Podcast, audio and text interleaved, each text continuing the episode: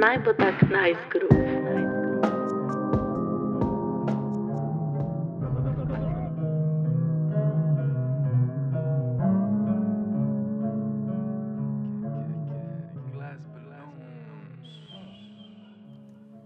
Ojla v novi epizodi podcasta Glass Balloons, s tabo sem Zala in danes te čaka epizoda o produkt managementu.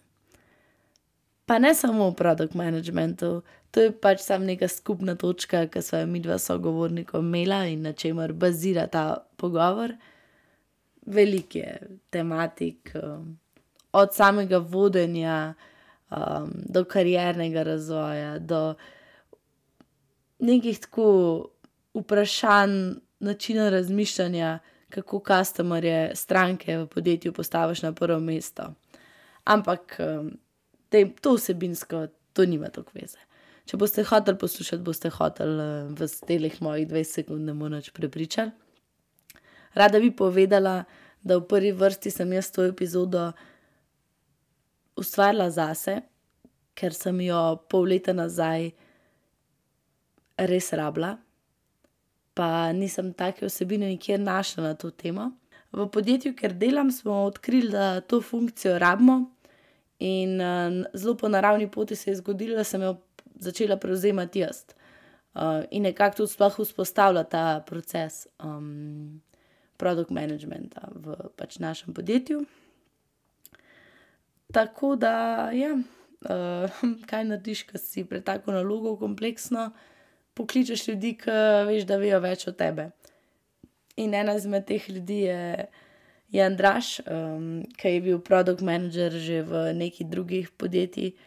Sicer se niso ukvarjali s fizičnim produktom, ampak je bilo, je bilo za, to sploh ni toliko važno, no, procesi in metode in mindset je isti.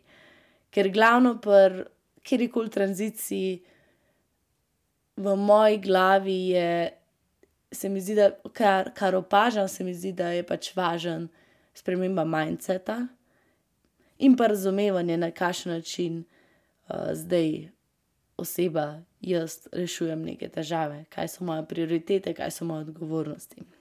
Tako da ja, Andraž je to meni, ful dobro pomagal prebroditi, sva šla večkrat na kakšno kavo ali pa imela klic in mi je bilo vedno žal, da tega nisem posnela. Tako da ja, to je ta long overdue posnet, najin pogovor. Je pa Andraž zdaj že to funkcijo nekako, pustil za sabo na neki način, ker trenutno se je podal na svojo lastno podjetniško pot. In sicer je velik, AI fen in pa tudi tako verjame v to tehnologijo, no. programer drugače. Tako da zdaj ima podjetje Catalyst AI, in sicer oni se ukvarjajo z, z generative AI-jem, torej, gre za tool, ki pomaga pri marketingu. pa saj bo več o tem on povedal. Samo toliko, da, da smo ga recimo približno spoznali. še tole moram povedati. Da pred tem, da razumete, iz kje prihajam v tej epizodi, en dan pred tem sem bila pa na enem druženju, kjer pa smo se zmenili, da se ne bomo predstavljali s tem, kaj počnemo. In da ke te kdo vpraša: kdo si pa ti?" Da pač ne poveš takoj prva stvar, kaj delaš, ker to je zelo taka, zelo navada, no. in ja, bilo je kar challenging. Smo, na trenutke smo bili kar vsi v krogu v tišini in smo se malo hihitali, gledali, pol smo pa pač, pol si pa že nekaj ven, povedal. tako da ja, Andražu sem tudi za začetek dala to, to vprašanje in, naju je ful zbudilo na to sobotno deževno jutro, kakršno je bilo takrat septembra. Nič, zdaj pa uživajte. Čao, čao, se slišimo. glej, keeping me on the edge. Glej, jaz glej, ampak povej mi, če je to, če it's like that, no, jaz se rad opišem kot, kot maker. Jaz sebe vidim kot nekoga, ke v bistvu, jaz ful rad delam stvari, right. Ne nujno samo software produkte, ampak ful, ful rad ustvarim neko stvar, jo pol nekdo drug uporablja pa ima neki, neki value iz tega dobi. Zato mi ful privlačen nek ne, vem, product management, recimo, pa take zadeve, pa tudi engineering. Right? Mm. Um, ta ja, jaz se, jaz se popišem kot, jaz sem, jaz sem maker, product builder. Um, in uh, ful me zanima, na kak način lahko nekaj naredim, uh, ko v bistvu ljudje to pol uporabljajo. Da, in, in to pomeni, da v bistvu mora nek, nek value dati nekaj takega, da, da imajo neko motivacijo, reče, oh, I'm gonna use this today. Da jim nekaj reš. Ja, nekaj naredi, mo- mogoče nekaj ne reši, ampak vse naredi nekaj. Ajš mogoče to lahko neka stvar, ki jo sem, o, oh, kul, cool, ajš ne vem, da mogoče, ne vem, tudi če je to nek komat, ajš nek album ali pa da je to mogoče neka, nek izdelek, right? Ja. Lahko je to samo tudi umetnina, right? You know, vse ne morem reči, da sem zdaj nek umetnik, ampak glasba mi je full, full big deal. A res? Ja, Ej, Okej. a ti spomniš, da smo full bandov v srednji Ne, šoli, na faksu? vedela. Ja, full, ja. ja začeli smo, jaz sem začel v, v osnovni šoli, smo imeli prvi band. Okay. In pa smo snemali neke, neke kavarje, pa smo um, v srednji šoli, a ga smo še drug band, ko smo igrali kavarje in pa na faksu smo rekli, fuck, enough kavarje, da moramo neke svoje komade snemati. Um, in um, ta band še vedno igra, sam jaz zdaj delam druge stvari, ampak um, ja, glasba je full big thing. In tudi na, na glasbo, recimo, full rad pišem. Um, Ful pišem besedila, pa jih pa glasbim, tako je bolj, veš, s tem reče. Singer, songwriter, kind of stuff. Če noč ne relisam, um, ker se mi ne zdi good enough, ampak uh, da to tudi včasih gledam isto, kot na del, ne, razvoj produkta in way, right? Uh, še posebej, če si v bendu, je to bolj taka izkušnja, kot imeti neko podjetje, pa razvijati nek SAS. In this is making product building too. Um, in to me ful zanima na tak način. I'm a product, I'm a product maker, no? na tak način, ko se ljudje na product huntu pišejo kot makeri. I love that stuff. Ful zanimivo. Tako, uh, ker recimo product manager je en, to je bil tvoj titel, ful časa. Ja, Um, je tak, tako, ne vem, se mi zdi, da ni še to prepoznavam, pa lahko je ful polemično. uh -huh. Vse veš, a pač Itak. je it's that even a job, kaj zares delaš. Uh, uh. -huh. In težko je včasih povedati, kaj zares delaš. ja. Ampak enkrat, ko si v tem, oziroma ko razumeš, kako deluje podjetje, pa razvoj produkta, pa ugotoviš, da je. No, ni nujno, ali eni to drugače mislijo, da je uh Mhm. -huh. dosti nujno, da je neka oseba, ki te vse vezi drži uh Mhm. -huh. skupaj. In zanimivo, ti si v bistvu s tem se začel ukvarjati že v osnovni šoli, v bendu, na nek način. Ne? ja res Vse je. se v bistvu večina populacije, verjetno, nek, ki pač karkoli ustvarja ali pa dela, um, s tem sreča. Ne? Tako da, wow, ja, nisem videl, da si imel bende. In pa imaš isto tako delitev nalog in agilna metoda. Bomo nehali Ja. ja. komad delati vmes. Ampak z- jaz sem to ugotovil za nazaj. Ko sem bil Ja, v bendu, itak. aj, jaz nisem imel pojma. Mislim, jaz sem samo, da hočemo, mislim, ne vem, Nekaj narediti. pač hočemo igrati muziko, that's all. In pa next thing za band je vedno imeti svoj prvi avtorski komad. ne. Ja. In A boš povedal, kje je ta bend, pa kje je ta prvi avtorski komad, da ga lahko poslušamo. Um, čak, ne, uh, mislim, ko sem full attemptal, pa pa full teh projektov ni bilo uspešnih. In mislim, da prvi avtorski komad so posneli, ko sem, ko sem bil jaz zraven, smo bili po mojem z manifestom, ampak naslova, fuck, pa se ne spomnim. E, moram pogledati. Moram pogledati. Sam mislim, da ni bil nikoli posnet v studiu, Okay. ampak zdaj imamo kak demo. Okay, no, Ja. To je bilo ful dobro. Um, ampak spomnim se, attemptal sem pa napisati svoj prvi avtorski komad še v, že v dveh bendih prej. Kje In se je zataknil? se ja, noben od nas ni prav zares, ne, a nismo mi dosti motivirani, da bi figurali out ta proces od začetka do konca. Ampak smo imeli neki, neki napor, veš, mogoče smo napisali nek zanimiv, mogoče smo imeli neko besedilo na tri četrt, ki ga je nekdo napisal. Pa smo začeli delati pač muziko od zata, ne kot nek, veš, prvo smo imeli moč besedilo, pa neko približno melodijo, pa smo začeli pisati pač še vse ostale instrumente. In pol je just never kind of came together, a veš, a veš, tako moče, nema kakšna analogija, ki je produkt Vse je tudi startup, tako v bistvu. sveta, ampak nekako pač pri muski imaš ful načinov, ful pristopov, da, ne, da pač napišeš komata. Ne? Začnejo z glasbo, drugi z besedilom, drugi z melodijo, ne vem, tretji delajo boje naenkrat. In, uh, in ta centralni metr, kako pristop imaš, samo pomembno je, da nekaj spelješ do konca. In fulje je težko, ko nekaj narediš, ti napišeš celo besedilo, pa začneš ugotavljati, na kakšen način to nekako pomečati z glasbo. In povidiš, da se ti mogoče unije rime, pa melodija, oziroma una, ki se ti mu reče, nek izraz je uh, ritem, ja, se ne čist pomeča. Ne? Pa moš besedilo malo spremenjati. In to je tako, ker, kaj mi če hočeš napisati dobro, komati, it's hard, right? In mi nikoli nismo prišli do tega, da bi v prvih poskusih pač prišli do konca tega procesa. Mm. Ajš, kaj smo no, what we were doing. Mm. In sem jaz pa zato pač nikoli tega nismo končali. Mm. In tako, ajš, smo imeli že dosti drugih izzivov, ko so bile, ajš, ajš že kavre, ko smo igrali, da smo jih sploh odigrali, kaj da gode nas za poslušati. In um, ne vem, pol, ko sem začel delati produkt, pa sem malo bolj začel razumeti produkt, začel razmišljati o tem, Pa sem ugotovil, da okay, je vse really similar. I mean, takrat, ko sem to delal, nisem razumel, pa nisem znal tega aplajati.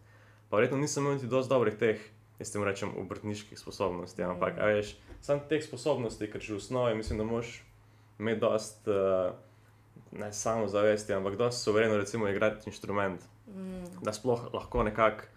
Aplajaš te stvari. Ajš, če se že tam malo lomiš, da že začneš nekaj delati, ok, zdaj 15 minut to zvadim, ali pa ne vem, pol ure je to ful ta proces upočasni. In prvo moraš biti fluid, da lahko hitro pač sploh. Igraš. Ne rabiš več razmišljati o tej tehniki, tehnikaliji ja, zadnji, ja. ampak lahko dejansko priješ v ta ustvarjalni mod. Ja, exactly. Že malo igraš. Pa, pač tehniko moš imeti na takem nivoju, da lahko nekako se bolj ukvarjaš pol vsebino, ne s tehniko. Ne? Ali pa oziroma, da se če se ukvarjaš s tehniko, da se ukvarjaš na tak način, da nek, da neko vrednost te vsebine. Ne? Da ni samo no, a spet tam neki ne dela, pa je treba tam neki, ne vem, whatever, upremanje v redu nastavljeno, zato ker pač, ajš, si v srednji šoli, v osnovni šoli, pa sam ne znaš uporabljati. Uh, take stvari. Čeprav po drugi strani je full band, ker je tako tudi v srednji šoli in full rata. Že stvoren dar. ja, nekaj drugega je bilo namenjen pač za vse. Ja, ampak ti se mi to full zanimivo. No? Se mi zdi, da full stvari lahko plaš ta pravi ja. proces. No, to me zanima. Polka si, ne vem, to, kako je Kako si pa dobil svojo prvo produkt službo? Uh, ok, kind of interesting. Ko sem bil, mislim, da drugi letnik faksa, okay. sem nekje našel, da takrat se je firma rekla Fort Office, uh, razpisuje poletno šolo, oziroma tak poletni hackathon uh, za študente na, na Friju. Okay. In oni so basically ponujali, da greš za en teden v Lizbono, za stojno, all paid for. Uh, tam nekaj hekaš in pa uh, prva najboljša izbrana ekipa dobi neko nagrado, something like that. Da sem mislil, oh, ok, zdaj lahko grem na more, ne, I'm gonna sign up. Um, pač to, da bomo mogli programirati, sem mislil, pač, ok, bomo pač še pač minimalne standarde bomo dosegli, da bomo lahko čim več na plaži. In ko sem šel na obrazec za prijavo, sem videl, da imam oni iščejo štiri različne profile. Ker obvisli to je pač bil za, njihov, za njih pač recruiting uh, kanala. Obvisli oni niso delali to iz dobrega srca, ampak so rabili kadra. Ne? In iskali so štiri profile. Prvi je bil front-end inženir, drugi je bil back-end inženir, uh, tretji je bil, mislim, da je product designer, pa četrti je bil product manager. In ko sem to videl, sem, product manager, what the fuck je to, ne? Uh, never heard about that before. In sem šel to malo posrčati na net in sem videl, ok, problem je nekaj kao intersection of business and engineering. Sem rekel, oh shit, that, that's amazing. Jaz sem v bistvu si full bolj vedno želel biti na tem business sideu, kot pa na engineering sideu. Anyway, in sem rekel, ok, that's great. Ok, pol faksa že engineering že imam, I'll figure out the business side. Um, in sem rekel, ok, I'm gonna, I'm gonna apply for that product manager. In sem me pač povabil na, na razgovor um, in smo na koncu so nas sestavili ekipo in smo šli v Lizbono. In pol iz tega naprej, ko sem bil tam, fully bilo challenging. Uh, dejansko, to je bil kot nek summer camp. Okay. Ja, za en teden smo šli v Lizbono, tam so na, uh, po, po, po rentali en coworking space in uh, so nam dali challenge. Da, ne spomnim se točno, kak challenge je bil, ampak je rekel, nahekite nekaj z našim produktom. Um, da se bo nam zdelo kul, cool. something like that. Mogoče, verjetno je bilo malo bolj definirano, ampak je to že nekaj. Upam, da je bilo. Ampak je bilo to že nekaj, ne vem, pet let nazaj, ne spomnim se več točno, kaj je bil. Bila je neka tematika, mislim, da so neke persone, da se nimajo za malo, glavno pač postavili so nam nek cilj. Yeah. Ja. In so pa začeli razmišljati, okay, kaj lahko mi naredimo za, za te pač stranke od, od Fort Office. In smo pa se, se odločili, da naredimo um, plačevanje računov prek e-maila. In basically, torej ti, če dobiš takrat, se je, guess, se še več pošilja nekih položen, spet takih stvari prek maila in kar direkt integracijo kao z banko. Če si dobil na mail račun, si ga lahko z enim klikom plačal iz maila direkt. To je bil naš, to je bil naš produkt. Ja. In basically smo to razvijali skoraj večino časa, ko smo bili tam. Več bili smo full mind na plaži, a smo v bistvu full uh, developal produkt. Mm. In um, na koncu smo full všeč in sem, vem, da sem šel pa do, do šefa in sem rekel, I want this job, what does it take? In spet iz tega startupa ne komplicira to, in smo rekli, ja, no, koliko bi imel na uro. in eno je bilo ok, in sem rekel, kul, cool, kdaj začnem, mislim, da bo ne vem, podelek ali nekaj takega. In sem začel delati tam part-time, zraven sem hodil na faks. Um, Čakaj, ampak to je bilo pa nazaj v Ljubljani. Ja, to imam zdaj v Ljubljani. Okay. Ja. Ko sem šel nazaj v Ljubljani, v bistvu v Ljubljani so pomeni kao še zaključen event, kjer so oni iz podjetja izbrali, pač so porenkali projekte, ker je bil najboljši in pa najboljši dobo neko nagrado.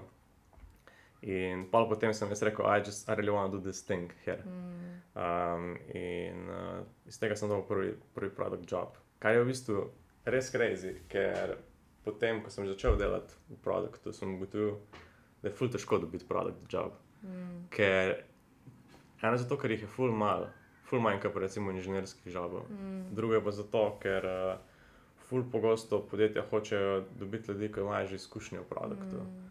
In ful težko pa dobiš job brez izkušenj, ker si jih zahtevajo izkušnje. Uh, noben pa pravzaprav res na kera, kje dobiš šune izkušnje, sam prid z izkušnjami. In zato večina ljudi prvo dela v neki drugi vlogi in pa se interno prekvalificira v produkt managerja in na tak način pridejo do prvega joba in pa ali tako naprej je ful lažje. Ej, ampak tukaj, ne, ki si imel ti to ekipo na tem hackathonu, prej gremo Mhm. naprej. In ti si bil pač tam četrta, četrti v tej skupini, dva Ja. vloga, produkt manager. Ja. In kako si se tega lotil? A si bil tako malo po Googlu, kaj moram jaz zdaj delati, kako si bomo zdaj mi gled delili delo. Um, Fak, hej, ne vem, pač ful sem mogel plavati. ek- ampak ti je očitno kar splaval, pač, pač si šel. Ful sem, ne mislim, anxiety 300, itak, pač bil sem full auto, ved, pač nisem vedel točno kaj narediti. Vedel sem, ne vem, nisem, imeli smo, imeli smo mentorja, right? Ja. CEO je bil naš mentor. Mm, okay. In ne vem, mogoče mi je on full sugestiral, kaj narediti, ne spomnim se, ampak vem, da sem kind of like, prvo smo neki pobrainstormali, smo malo brainstormali ideje, smo neki zbrali, ne vem, na kak način smo prišli, smo se kar odločili, ne vem, sem to jaz pa po faciliteru, ne vem, dobra ekipa, I guess. Mm. In pa en, da ko sem imel idejo, sem jaz šel tam po, po nem, coworkingu in sem malo porekrutiral folk za intervjuje in sem jih probal malo zvalidirati to idejo. Oh, okay. A je to dejansko, ker a veš, mi smo itak imeli persono kao uh, digital nomad, ker to je bil en od person lupa. Mm. In ti ljudje so itak bili z nami v coworkingu, so it was easy. In sem sam šel do misli in sem rekel malo ljudem, hej, ali zdaj malo govorim, da razvijamo neki kul cool, in tako se je ljudem zdelo to zanimivo. No, že to je full velik znak, da si full product person. Da Sam- si šel v bistvu ja. do ljudi, pa ste stirali, diro idejo tam. Sam zakaj sem šel do ljudi, I don't even know. Je očitno ti je to naravno bilo mogoče. mogoče, Ali pa pa- si po Googlu, pa je bilo tako, Ali what sem pa kje prebral. product manager, what does it do? I guess, ne vem. Customer interviews. I mean, ja, by the book, right? Wiki how. Ja, in pa smo začeli to razvijati, ne vem, kje smo, smo bili dizajnerji, ki so dizajne. Ja, product designer ste bili. Se mi zdi, ja. Ne vem, sorry, to je pet let nazaj, se mi zdi, da je Ne, se je ancient full history. zanimivo. Um, mislim, se to ni toliko cajt nazaj, ne vem, zakaj se tega več ne spomnim. Ampak ja, pač, po mojem smo neki, a sem to moče celo jaz dizajneril. Ma ne Gledam, vem. imel si tudi malo teh skillsov, očitno. Ne vem, nekje sem jih pobral. Okay. No. Mislim, že prej sem se ful zanimal za ta business side, ful sem imel srečo, jaz sem prvi internship delal na biosistemiki v Ljubljani. Oni so recimo ukvarjajo z pač, biologijo plus, oziroma laboratorij plus ITM in razvijajo full software, da digitalizirajo pač razne te laboratorije, farmacevtske, bio, ta, biološke. No. Okay. In sem tam že imel, ful, ker je to tudi bil start, vse še vedno je startup, sem imel tam tudi full priložnosti. Jaz sem jim tam rekel, aj me ful zanima ta business side of stuff. In pa smo, ko smo razvijali stvari, smo jih ful potegnili zraven, pa sem delal neke plane, veš, ne vem, vem, finančne modele, poslovne načrte, pa to za neke manjše integracije. In sem že, malo sem nekaj sem že vedel, no, malo, malo nekih knjig sem prebral o podjetništvu, pa te zadeve. No. In nisem, nisem bil čisto na nuli, ko sem tam začel. Mogoče sem to že znal takrat. Ampak ja, pa smo v bistvu zrisali dizajne in smo začeli nekaj implementirati, pa smo imeli težave z, s programiranjem, ker smo bili vsi nek drugi letnik faksa. In pa mislim, da smo v 11 minut na to delali, glih. Uh, Tik prej, da smo imeli zadnjo predstavitev, ta demo dan, right? in pa smo na demo dnevu to popičali, predstavili. A si ti pičil? Uh, Pravno, ja. Mislim, da kind of product manager, you gotta, yeah. you gotta, you gotta pitch it. Ampak je bil tak bil tim. Mislim, da smo imeli.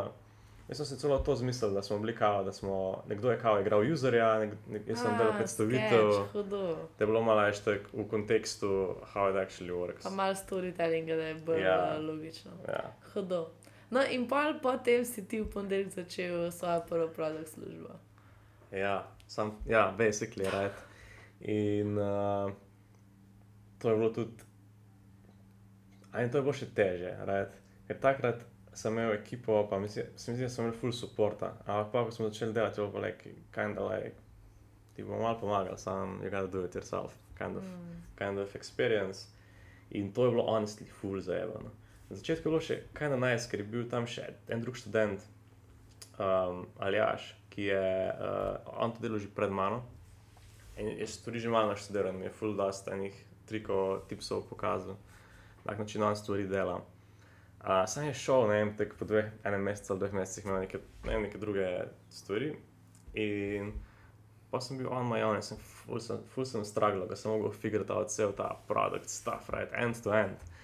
In prav zares nisem imel, nisem imel pojma, nisem imel unih fundamentalo, a veš, ono full pogosto se mi zdi, ko začneš, je fajn imeti un fundamental, veš, predstava, kaj sploh je ta product development life cycle, veš, mi smo, ne čeprav sem jaz delal na, na par firmah prej, na vseh firmah je bilo to disorganized, pa niti ni bila moja odgovornost.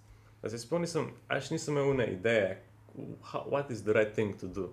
Ja, veš. ta big picture, kako bi to lahko pa mogel izgledati, da bi bilo optimalno. Ja, ampak, ja, exactly, ampak sam že ta development proces, veš, to, da imaš eno idejo in pol Kaj se mora vse zgoditi? Ja, right. Mislim, to je ta problem, ko smo imeli na, v bendu, ko smo delali stvari. Ja. Yeah. Vedno rečemo, how to get from start to finish, kaj so ti koraki, ko se zgodijo. A mislim, vsi znajo pač napisati malo neke kode, pa, pa nekaj narediti, ampak that's not the point. Na način narediti nekaj, da realizira tvojo vizijo, da nekaj naredi za ljudi. A veš, recimo, na način jaz napisal komat, ko bi ljudje pol pač fulfillali, pa rekli, oh fuck, I mean, that's how I feel about topic X, mm. ali pa so, oh wow, you're really telling me a story. I mean, ali pa da razviješ produkt in folk reče, oh, res si mi rešil ta problema. Ne? In um, ne vem, mislim pa eno leto delo ta job ali pa še, mogoče malo manj, da sem sploh ugotovil, da je to nek tak, ne vem, da lahko plaš nek ta framework, na začetku pač narediš nek research in kam moraš iz tega researcha priti in pa da pa tega se ti narediš. zmeri zdel ta proces um, smiselen. A si bil, ne, a ne vem, kot inženir ali pa pač, ki imaš bolj tehnični background, a se ti. Ja. je zdel, da je to sam nek. Um, Neka izmišljotina, ki jo pač ne vem, business people ali pa marketing želi, da ima nek, eh, neko kronologijo, pa neko ne vem, sosledje, ali si čutil, da je to za delo ful potrebno, da je proces rojen, da so koraki, ki se jih sledijo. Jaz v bistvu, ko sem bil še inženir, nisem, nisem imel take izkušnje, da bi rekel, da nekdo mi ful preveč stvari definira, ampak sem imel jih obraten problem. Mm. Da sem jaz mislil, oh, fuck, ti ljudje, ki so odgovorni za strategijo, sploh ne vejo, kaj je strategija. Mi sploh niso definirali strategije, mi sploh ne vemo, za koga, kdo je naš target user, pravzaprav res. Mislim, ok, lahko ti napišeš tja na en list, da so to digital nomads, ampak are they really, a? I mean, a res razumemo, kdo so ti ljudje, so, kaj oni delajo, kakšne potrebe imajo. Um, in- Zakaj pa se ti je zdelo to krušal, ker drugače nisi mogel smiseliti? Z- Ja, zato ker smo delali stvari, kaj še ti, recimo, na koncu, ko si implementiraš, ko pišeš kodo, na koncu kodo v bistvu za vsak, vsak detajl, v bistvu vsak pixel definira v produktu, right? In ti kot inženir moraš natančno vedeti, kaj moraš narediti. Ker ti, recimo, kot, jaz kot recimo product manager, res like, full high level rečem, ok, dajmo narediti produkt za ljudi, ki rabijo čiščenje stanovanja, right? I mean, totally makes sense, ampak na način lahko inženir zimplementira. je- I mean, Preveč mu Pač- pustiš pač veliko ful- morje o, Ja, pač- opcij. ful mora imeti, mislim, mora narediti tvoj job za tebe in way, da bo to zdefiniral, a veš, ker prvo kot prvo, fulje ljudi, ki to rabijo. To, a so to podjetja, ki to rabijo, a so to ljudje v stanovanjih, a so to hiši, a so to ljudje v mestih, a so na podeželju. Vsak ima neke druge potrebe. Ne?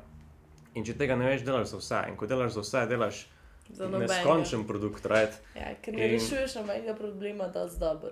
Ja, pa ne samo to, tudi tak produkt je skoraj nemogoče narediti, ker ima toliko featurejev, ki jih ima Word na vrhu v, v enem svojem ribbon baru. Right? Pač tisoče featurejev moš implementirati. In um, moja težava je bila ne bolj v tem, jaz sem glih za to v bistvu me ful privlačil prav, ko sem rekel, fuck, to je full bad, na tak način, ko smo mi implementirali stvari, se sploh noben prav zares ne ve, kaj mi delamo. Right? In pa jaz, ko moram to narediti, sem jaz kao. Ja, sem jaz kao, nespo, mislim, sem pač počutim nesposobnega.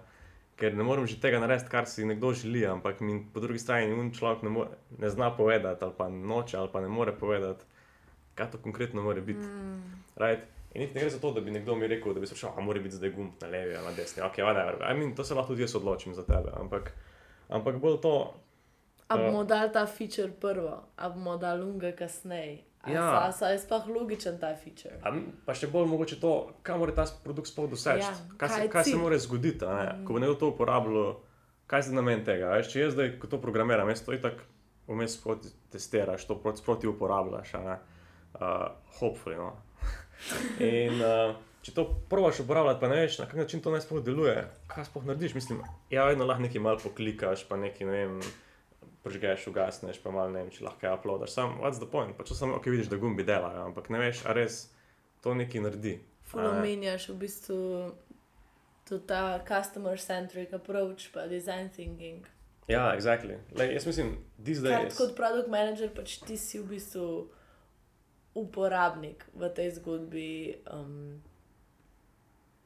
razvoja. Ne? Ti zastopaš mnenje tega človeka, ki bo to na koncu uporabljal, ki si ti Ja. želiš, da ga bo na koncu uporabljal. Exactly, ker na koncu v bistvu, lej, I think letos, zdaj je 2023, right? če hočeš narediti produkt, ki bo res, okay, če nimaš glih nekega monopola ali pa nekaj, ki bo ljudje uporabljali, če nisi customer centric, probably are gonna fail, right? I mean, skoraj vsi so že customer centric, that's not enough, you need to go beyond that. Mm. To je samo, uno, a imaš odprt bančni račun, ja, pač moraš ga imeti, a ne, a imaš inženirje, a si customer centric, this is the basics, right? Ja. Kaj pa je za te next step? That's a good question. Tako razmišljam. Se mi zdi, da tudi hitro rečeš, da si customer centric, pa v bistvu nisi. Ja, Um, Sam zato, ker, ker je ful teže biti customer centric, ker zahteva ful več enega dela pred neko odločitvijo. Če, in na trenutke je mogoče to dodatno delo videti kot odveč, mhm, ali pa ful velika investicija. mm, In je sam lažje, zdaj včasih je treba ne, imeti neko Ja. hitro odločitev, ampak včasih je te pa lahko ta hitra odločitev tudi povosa. ne. ja. Se strinjam. Jaz mislim, Razmišljam, kaj bi bilo tako. Jaz mislim, da so dve stvari, ki so tudi razlog, dva, dva vzroka. En je to, da večina ljudi ve, da, da če niso customer centric, da jim ful zmanjša možnosti uspeha. In ve, I should be doing that, isto kot agile. Ne? Mm. Ful podjetij govori, da so agile, pa niso.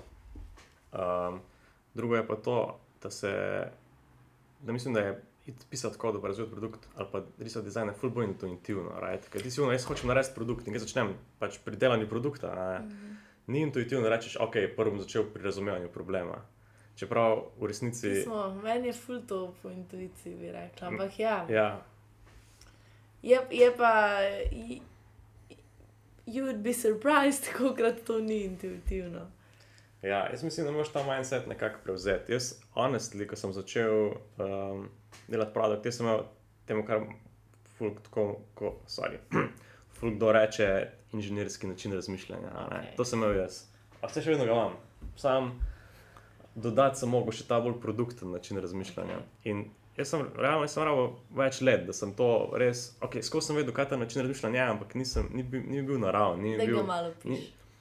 A veš, recimo, kot, jaz kot inženir razmišljam o tem, na kak način bom nekaj implementiral. Right? In če mi kdo reče, ne, mi hočemo imeti ta feature, bom jaz rekel, ok, torej, first question, katero tehnologijo uporabljamo. Um, pa le, no, koliko časa bo to trajalo, kaj je v bistvu najbolj, in- najbolj učinkovit način, da to uh, skodiram. Right?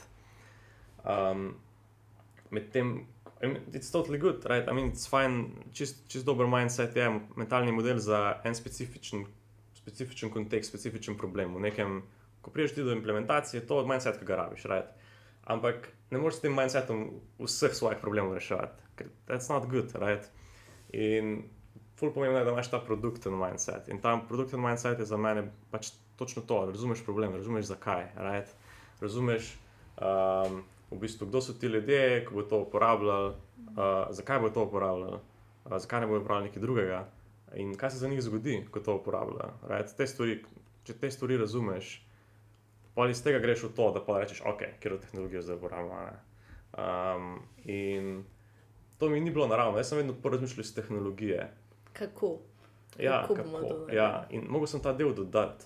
No, Mm. In ful časa sem, mogel, se prav, sem se prav ujel, pa sem rekel, ah, fuck, ok, spet razmišljam tu zdaj v inženiringu, verjetno razmišljam o produktu prvo. ne. In ja, rado sem več, da sem res to internaliziral na tak način, da mi je bilo naravno prvo razmišljati o produktu. Zdaj, recimo, se čisto strinjam s tabo. Recimo, jaz vedno zdaj, če mi kdo nekaj reče, ne vem, sem video za produkt, ne bom vprašal, kje tehnologijo uporabljaš. Obviously bom vprašal, like, what does it even do? Mislim, za koga je to in zakaj to nekdo uporablja. That's my first question. No? Um, še lepo, ko bom to razumel, bom vprašal, kako tehnologijo uporabljaš. Let? Ker ni pomembno, kako tehnologijo uporabljaš, če delaš nekaj, kar je useless. Pa tudi ti, verjetno, ko dobiš idejo za nek produkt, razmisli, mislim, kdaj lahko dobiš idejo, brez da veš, za koga bi to bilo, Ja, ker te sam sure. udar. Mm. In pa ugotavljaš in iščeš, komu bi to reševalo težavo. Se mi zdi, mogoče tudi s svojim, svojim zdajšnjim startupom, Ja. se pravi Catalyst AI, to nekako je nek ongoing proces. Ja, Ko si prej na začetku začel eh, iz brandov, v agency, pač komu, za, da v bistvu obem lahko rešuješ problem, ampak drugače ta problem nagovarjaš. Ja, absolutno. Jaz mislim, da je to tak full, to je full messy proces in, right? in ga gledati linearno, da greš prvi korak, drugi korak, je preveč. No, to mi je še zdaj, kar si omenil, ker hkrati je product management full, vedno je tako li- linearno laid out, kako se začne pa konča, ker rabiš to mičkano okostje, da sploh ja. lahko ta mes vsega, vseh krožnic, pa uh. -huh. uh, agilnih krogcev, ki se pač ne bojo zgodili tako, kot si mislil, da se bojo, Ja. ampak jih lahko pa dodaš na to premico in si tako, Absolutno. ok, v redu je. Absolutno. Ja. Grem gor pa dol po kosinusu, sinusu, ampak ja. sem nekje na. Absolutno. Ja, jaz mislim, ej, mislim, da je to super, ker, ker jaz sem imel, ko sem začel, jaz nisem imel izkušenj in nisem imel nekega takega, nisem imel neke intuicije, da se bi na njo zanašal, ampak sem bil čist, jaz sem čist blank, honestly, kot associate product manager, sem bil totalno blank, jaz sem sam sprejemal sem informacije in pol sem jih nekam dal. Jaz sem rekel, ok, well, amo pa da se to sprocesira, right? ker jaz ne razumem. In še lepo, ko sem, in ful ljudi mi je reklo, ah, ne gledaj framework, to je brez veze, ti frameworki skoraj, ti frameworki so za vse in nobenem za nobenega. ne. Ampak meni so bili frameworki v ogromno pomoč, zato ker sem se prek tega naučil, to, kar se je rekla, te foundations so mi postavili. Sem rekel, ok, zdaj poznam framework, now I can go off the, off the map. Ne? In framework je kul cool zato, ker ko da se razumeš stvari, itak si ga lahko prirediš za svoje potrebe, that's one thing, right? Drugo je pa to, da samo zato, ko so v frameworku mogoče kvadratki zaporedno postavljeni, ne, ne pomeni, da moraš iti po vrsti. Sej pač jaz lahko delam, začnem mogoče s tehnologijo. In pol grem nazaj in razmislim produkt. Ampak pač, Ampak, ker ti dobro to razumeš, se zelo samozavestno, pa odločno se mi zdi, lahko preskakuješ. eh, ja, exactly, če veš, kaj faze, delaš. Ker veš, kaj se bo zgodilo naslednje, veš, zakaj, kje, kaj delaš. Ja. Ker recimo mene, um, me- mene je najbolj hudo, ne hudo, ja, tudi hudo mi je, mogoče, uh Mhm. -huh. ker vidim, da kaj delam, Ja, pa vem, da nimam dovolj informacij in da bom mogla na to priti nazaj, zato ker mi, ker in pol bom jaz to zdaj predala nalogo nekomu drugemu in ta oseba ne bo mogla dobro upraviti dela, ampak in vem, da bom jaz od te osebe zahtevala mm. full več. ja, In, ampak ker pač nimamo mogla razčiščati, se bomo to spet vračali. In se mi zdi, da produkt management je na nek pač poleg tega, da da uporabnika v pač center um, osončja, tudi um, da dela podjetje full bolj efficient ali pa ne podjetje, Mm. tim. ja, definitivno. In jaz mislim, da to, kar je del product managementa, je, je leadership, right? In leadership je v bistvu jasna komunikacija. Right? To, da v bistvu, uh, če, če hočeš biti vodja, moraš postaviti neko smernico, neko smer moraš narediti, ki je čist clear. Right? In velik del produkta, še posebej v takih bolj novih produktih, je to, da sam uh, narediš nekaj clarity. Right? Da za ljudi, ki so, mislim, da vse na ekipi, dokler nekdo ne pride, pa tega postavi nekako. Everything's all over the place, it's a mess, it's a complex world. Right? In pač v takem, v takem okolju ne moreš hitro delati, pa hitro razvijati, ker vsak ima neko svojo mesi predstavo. Right? In definitivno delo vodi, in jaz mislim, da pač produkt menedžerji morajo prevzeti to vlogo vodje v tem produktnem smislu, je, da narišejo neko jasno vizijo, ki hočemo biti čez nekaj časa, right? da si ekipa lahko predstavlja, ok, like, make sense out of this mess, right? ker stvari so pomembne in ker niso. In zakaj to je, well, that's the case. Right? E, kako pa se ti, ne vem, jaz sem opazila, da velikrat so te, ta vprašanja, pa ta način razmišljanja, da se ful dobro odnese tudi v nekem osebnem življenju, ne, ki se s kakšnimi odločitvami um, boriš ali pa razmišljaš, zakaj si tako za nazaj naredil. a ne. Uh -huh. In je full uh, rewarding občutek. Ne vem, pred kratkim sem, uh, jaz sem se hodila na, zdaj letos na faks upisati nazaj, na uh Mhm. -huh. magisterij. In sem si mogla, ful, ne vem, motil me je že, da imam sploh ta drive, Uh -huh. ker po drugi strani je pa moj možgan pa razmišljanje zavračal to odločitev. Ja, ampak pač. Sen ti pa zamegli, pač razmišljanje, če ti skozi bounce off eno idejo, da bi Ja. yeah. mogoče drugače naredil neko Mhm. mm. stvar. Ne? In jaz sem vedela, da dlje, ko imam to v glavi slabše, ker se ne morem fokusirati na things that matter. ne. Mhm. In sem šla prav spet po unom, ok, kdo sem jaz, Kakšno, kaj, je moja, kaj je moj problem, ki ga rešujem ne, vem, v svetu, v svoji karieri, kje hočem ja. biti. Ker možnosti je tako velik, da pač Mhm. vsak dan lahko zbereš nekaj drugega, basically, Ja. ne ve, in pač boš nekaj drugega končal. Ja. Red, Ampak včasih moraš zbrati, e, mislim, exactly. Moraš zbrati eno pot. Ne? ne vem, se še zmeraj tako kdaj vprašam, zakaj lih to? Pa kam me bo to pripeljalo, a me bo kam pripeljalo, ampak tukaj pa prije ta. Tukaj pa pride to, po mojem, mm, to zaupanje in v tim, in v Ja. produkt, in v rešitev, ki jo ponujaš, in v odločitev, ki si jo sprejel, mm. da pa še nekam te bo pripeljala. Ne? Um, tak, ja, me zanima, če imaš ti to tako, da Ja, ti. ful, ej, ful relatam na to, kar si zdaj Okej. rekla. Jaz dejansko, ne vem, mogoče en teden zdaj sem razmišljal o tem. Sem razmišljal, če bi zdaj še enkrat na faks, pa če bi imel več to, to, ko imaš včasih ta major, minor, Ja, možnost, vem, right? točno vem. Kaj, kaj bi jaz izbral, right? če bi še enkrat šel na faks, kaj bi izbral? Jaz sem rekel, fuck. Ful časa bi po mojem rekel, mogoče nek engineering, tega računalništva plus ekonomijo, ampak zdaj, fuck, zdaj bi rekel major, uh, nek engineering in minor, po mojem filozofijo. In jaz sem honestly, ful časa sem ful podcenjeval filozofijo, ker sem se pač to brezuje, ok, bom si zdaj preveč naredil.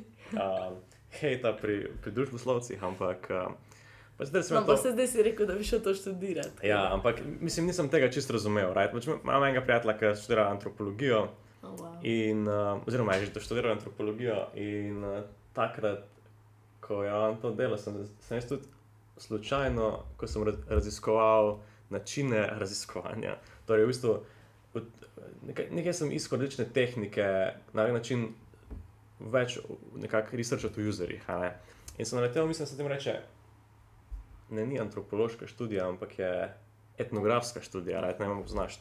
To je basically uh, metoda, kjer živiš z ljudmi, ki jih hočeš uh, raziskovati. Right? Če, torej, če jaz delam nekaj za, za kuharje, bi se lahko zaposliti v eni restavraciji. Right? To je bila recimo etnološka študija, se mi zdi, da je ta prava- to pa ne ta prava beseda. No? In ko sem se spomnil, da kolega to študira, right, sem rekel, oh, fuck, that's kind of pretty cool. In ko smo se malo pogovarjali o tem, kaj več razl- razlagal o tem, sem, sem razmišljal, prav, wow, to je prav dejansko full applicable na ta research, understanding the, the world phase. In bolj kot ta produktni mindset internaliziram, bolj imam nek ta, veš, ta kategorični dvom, pa te stvari, ki ga, ki ga aplajam uh, na, na take stvari, ki so, ne vem, ne samo v službi, right? I, ali pa mogoče še, še bolj v službi. I don't know. Ampak, razumem, če bi te tehnike že prej znal uporabljati, pa bi jih razumel, bi bil ful boljši produkt manager, bi bil ful boljši produkt builder. Pa ne samo to, ful bolj, mislim, da bi bolj razumel svoje življenje. Right? Ja. In to se mi je pretty important, uh, da bi to razumel, zato ker um, prav zares, ko, ko nekaj delam, right, moram imeti nek, neko. Mora biti povezano to z nekimi mojimi vrednotami in mojimi cilji. Right. In sem full časa sem se s tem boril, pa nisem vedel, zakaj imam nek tak, nek internal, nek ta, ne vem, neko napetost, nek anxiety. Dokler nisem res podobno neke introspekcije naredil kot ti. Recimo, zdaj, ko sem delal, začel razvijati Catalyst uh, AI, sem full imel težave s tem, da sem imel skozi nek tak background anxiety. Skozi sem imel, oh, skozi, tudi ko sem bil, sem rekel, ok, da danes sem konc, zdaj ga sem še čilam, sem nek tak, veš, noise level, no, 20, 10% skozi in the background. Sem rekel, what, what, what's going on? In to me je full, me je, s tem sem imel full probleme, ker mi je to ful povzročalo, da sem skozi imel neke dvome. Namesto da bi se po svetu delal, pa bi se pač neke stvari zrihtel, skozi se neki sam s sabo ukvarjal. Right? Razmišljal, ja. Ja, ampak ne sem mislil o dejanskih problemih, ampak sem bil na. Sep. Ja, what's going on, a to je res prava stvar. In pa sem imel neke dvome, in pa sem začel o nekih katastrofalnih scenarijih, right? in to ful neproduktivno. Jaz sem mislil, fuck, I need to, I need to, I need to deal with this. In nisem, nisem imel način s tem delati. In sem še lepo, ko sem, sem, sem o tem se malo bolj pogovarjal, sem v bistvu ugotovil, da gre za neke moje take čist internal, um, ki temu rekel.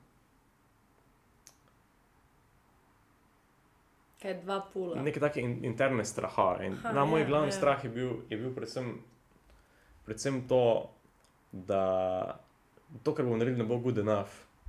In. Sorry, malo sem pozabil, kaj je strah. Right? Uh, ne, vem, glavno nek strah sem imel. In, in ga nisem mogel racionalizirati. Right? Mm. In sem imel skozi ta feeling, ah, shit, uh, če ne bomo tega naredili good enough, right, bomo bo startup fail in pa bom jaz fail, failed founder Ja. yeah. in pa uh, moj, moj life bo, bo v kurcu. Brez pomena. Right? Ja, ne, zdaj sem se spomnil, right, nek, I know what's the issue. Okay. Okay. Neka taka, neka taka moja perfekcionistična tendenca je. Right? In problem je v tem, da sem jaz imam nek ta internal thing, ko vem, da ni res, ampak skozi mi imam in the background of my mind je ono.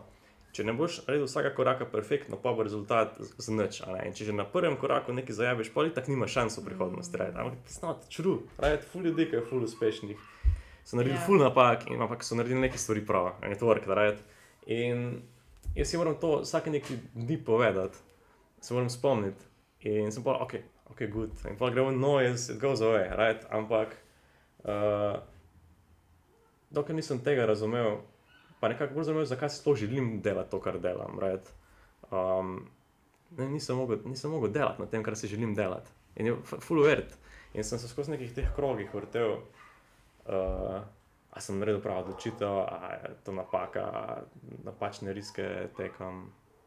Um, Ja, vem, točno vem, kaj misliš. In glih hle v tem ta novem el normalu je pa tako, meni je ta revija tako huda.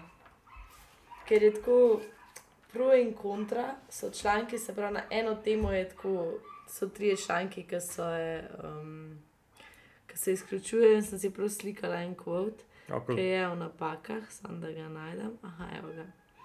Aha, na, napake so plačilo za polno življenje. Veliko lahko dosežejo le tisti, ki si upajo spodleteti. Bolje, bolj kot neuspeha se bo obžalovan, zato še vedno pišem, zato še vedno poskušam, uh, zato mi še vedno spodleti. V bistvu je to en, um, ki ni bil pisatelj, pa si je ful želel pisati. cool. In pa je pisal, ni mu šlo, pa mu je malo šlo in tako naprej. Ampak, um, ja, ne vem, jaz se tudi veliko s tem srečujem, ampak ker mislim, da ne, ne znam razumeti, nočem reči, da to mislim, ker se mi zdi, racionalno vem, da ni res, Mhm. mhm. ampak je pa ja, nek um, šum v razmišljanju, bomo rekli, Okay. kjer pač dobivaš neki impuls, da bi bilo lahko boljš, ali pa bi lahko boljš nekaj sprejel, pa bi se tvoje življenje ful boljš odvilo. ne. Mhm. In jaz sem začela, eno, ne vem, recimo, ne morem se znebiti tega, da je nek, da kaj pa če bi, a veš, včasih bi sam rad probil najtežjo stvar na tem svetu, Ja. ker je največji challenge. Ja. Vsaj jaz sem to. Mhm. In pa sem tako, okay, kaj je najtežja stvar, ki bi jo jaz lahko počela. Mm, in jaz sem plesala balet full časa in Oh, wow. že to je, recimo, to, to je bilo pa življenje trpljenje, v bistvu. Ja. In potem, full časa sem hotela delati v konzultingu, ker je Mhm. bilo to najtežje, kar pač vem, da je. Ampak ne tako, da je tako težko delati, kot je samo težko priti zraven, Mhm. zaradi nekih drugih Ja. razlogov, ne, ki jih zdaj razumem, ki so čist marketinški in business wise in tako naprej. Pač ni to dejansko tako težko.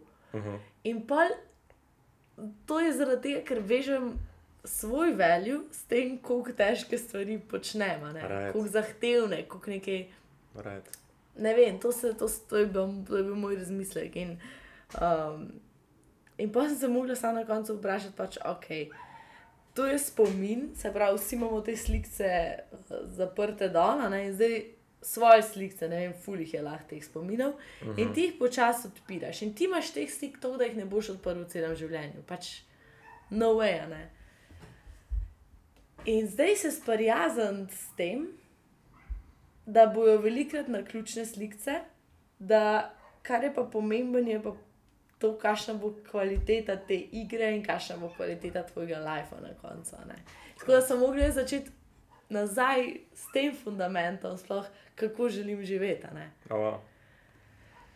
Zdaj si nisem še odgovoril, mislim, verjetno okay. Se tudi nikoli zares ne, ampak je, ja, za me je bilo to, ker. Um, ker tako pač, veš, koliko služb imaš lahko, ali pa koliko različnih uh, tem bi šel študirati. ali Pa, uh, isto sem jaz razmišljala, pač jaz, če bi se še enkrat na faksu pisala, uh -huh. bi Mhm. šla tako psihologijo, pa umetnostno zgodovino, po mojem. Zanimivo. Zato, ker podobno kot ti, mogoče to razumevanje ljudi. Mhm. Hkrati je pa tako to nek moj passion, ki ga nisem prsijala, zato ker sem lahko racionalna uh -huh. in Mhm. kako bo to in the end. Ja, ja. Ampak če bi bila dosti pametna, ne vem točno, ker nisem še tako premikala svojih mej, da bi šla nekako v fiziko. Mhm. Um, Cool. ampak ja, pa zdaj smo tako zbrali, kot smo, a ne, ne moreš nazaj, hkrati pa to Ja. te ne sme omejevati, da ti za naprej ne. Ja. Mm, pa še nabiraš teh znanj. Pa, si, pa sem si jaz predstavljala, kako Leonardo da Vinci se je učil. Recimo. Pač uh Mhm. -huh. On ni šel na faks, pa zbral, zdaj bom jaz uh, študiral anatomijo človeka in medicino. Ja. Pač on je vse delal in arhitekturo, oh, to je. Mhm. tudi ena stvar, ki me je fuz zanimiva. Ampak sem ugotovila, da je to sestavljena veda, ki me zanima zato, ker me zanima človek in okolje, v katerem on živi. Um, tako da ja. In kje si zdaj, zdaj s tem? Si, koliko si si razčistila stvari in kaj je bil ta proces do zdaj? Da rečeš, ok, here I am now. Kol- Koliko kolik bolj clear imaš, več imaš clarity v primerjavi, preden si imel ta revelation? Joj, ful večji clarity. Um, to je bilo, po mojem, ne vem, trajalo je 3-4 mesece zelo aktivnega razmišljanja. V smislu, pa je, okay, um, zgodilo se je s tem, da sem prevzela ta nov rol uh, v službi, ker sem postala ali pa sem mogla si nekako ugotoviti, da to je produkt management, kar jaz delam. In pa je bila prvi, prva stvar, je bil moj dvom, it's not really a, a real job, ne. Ker valjda bomo podvomili v vse, kar so smo naredili. a ne. In pa iz tega je bilo tako, da to je pa tako self-sabotaž, a ne, to ni produktivno. Ker kar sem jaz želela delati v tistem trenutku, ker sem se noro veselila tega novega rola, uh -huh. je tako prebrati vse knjige o tem, ugotoviti, kje smo, izboljšati te stvari. Videla sem, koliko je že dobro stvari smo postavili, ampak dajmo iti na next level, kjer problemi so v tem našem procesu razvoja produktov. Ja. Um, tako, take stvari, s tem sem se želela ukvarjati, ampak nisem se mogla pa tega nojsa včasih zadnji znebiti, mm -hmm. ker mi je govoril, da jaz nimam dosta pravih skill setov, da, um, da kam me bo to pripeljalo, da kaj sploh je next step, da itek, Kaj pa, pač, če izgubim službo in me nikoli več noben nikjer drugje ne bo dobil, ker imam pač napačen skill set za koga drugega, I veš. know what you mean. Jaz sem, jaz sem isto razmišljal. No, in pa, in pa sem tako in tako, mogoče boljše, ker sam naredil magisterij in bo to tako rešil problemov. Ja. In pa sem bila sprejeta na magisterij in pa sem na tako. To je bil samo en tak kraj ovanigov, da je dobil ta, da je dobro to potrdilo. Mhm. V resnici bom jaz še za eno leto na točno enaki točki, ker bom sam zadušila in Ja, ja, pokrila exactly. z loncem uno. Exactly. In bo tako, dost ne bomo več o tem razmišljali, in sem tako, lej, zdaj pa je treba the hard part, Mhm. the chess. In pa sem se pogovarjala z eno performance psihologinjo. Mhm. In mi smo imeli tako ene tri sešne, in meni se je zdelo izjemno glupo, da sem se z njo pogovarjala, ker se mi je zdelo, da jaz, jaz sem dejansko videla, o, oh, jaz to razumem, Mhm. ne rabim nekoga, da se z mano o tem pogovarja. Ne? Ampak. Ja, bog je, da je pač jaz se nisem mogla sama teh stvari zmeniti. Ona je, ne vem, par stvari me vprašala, ampak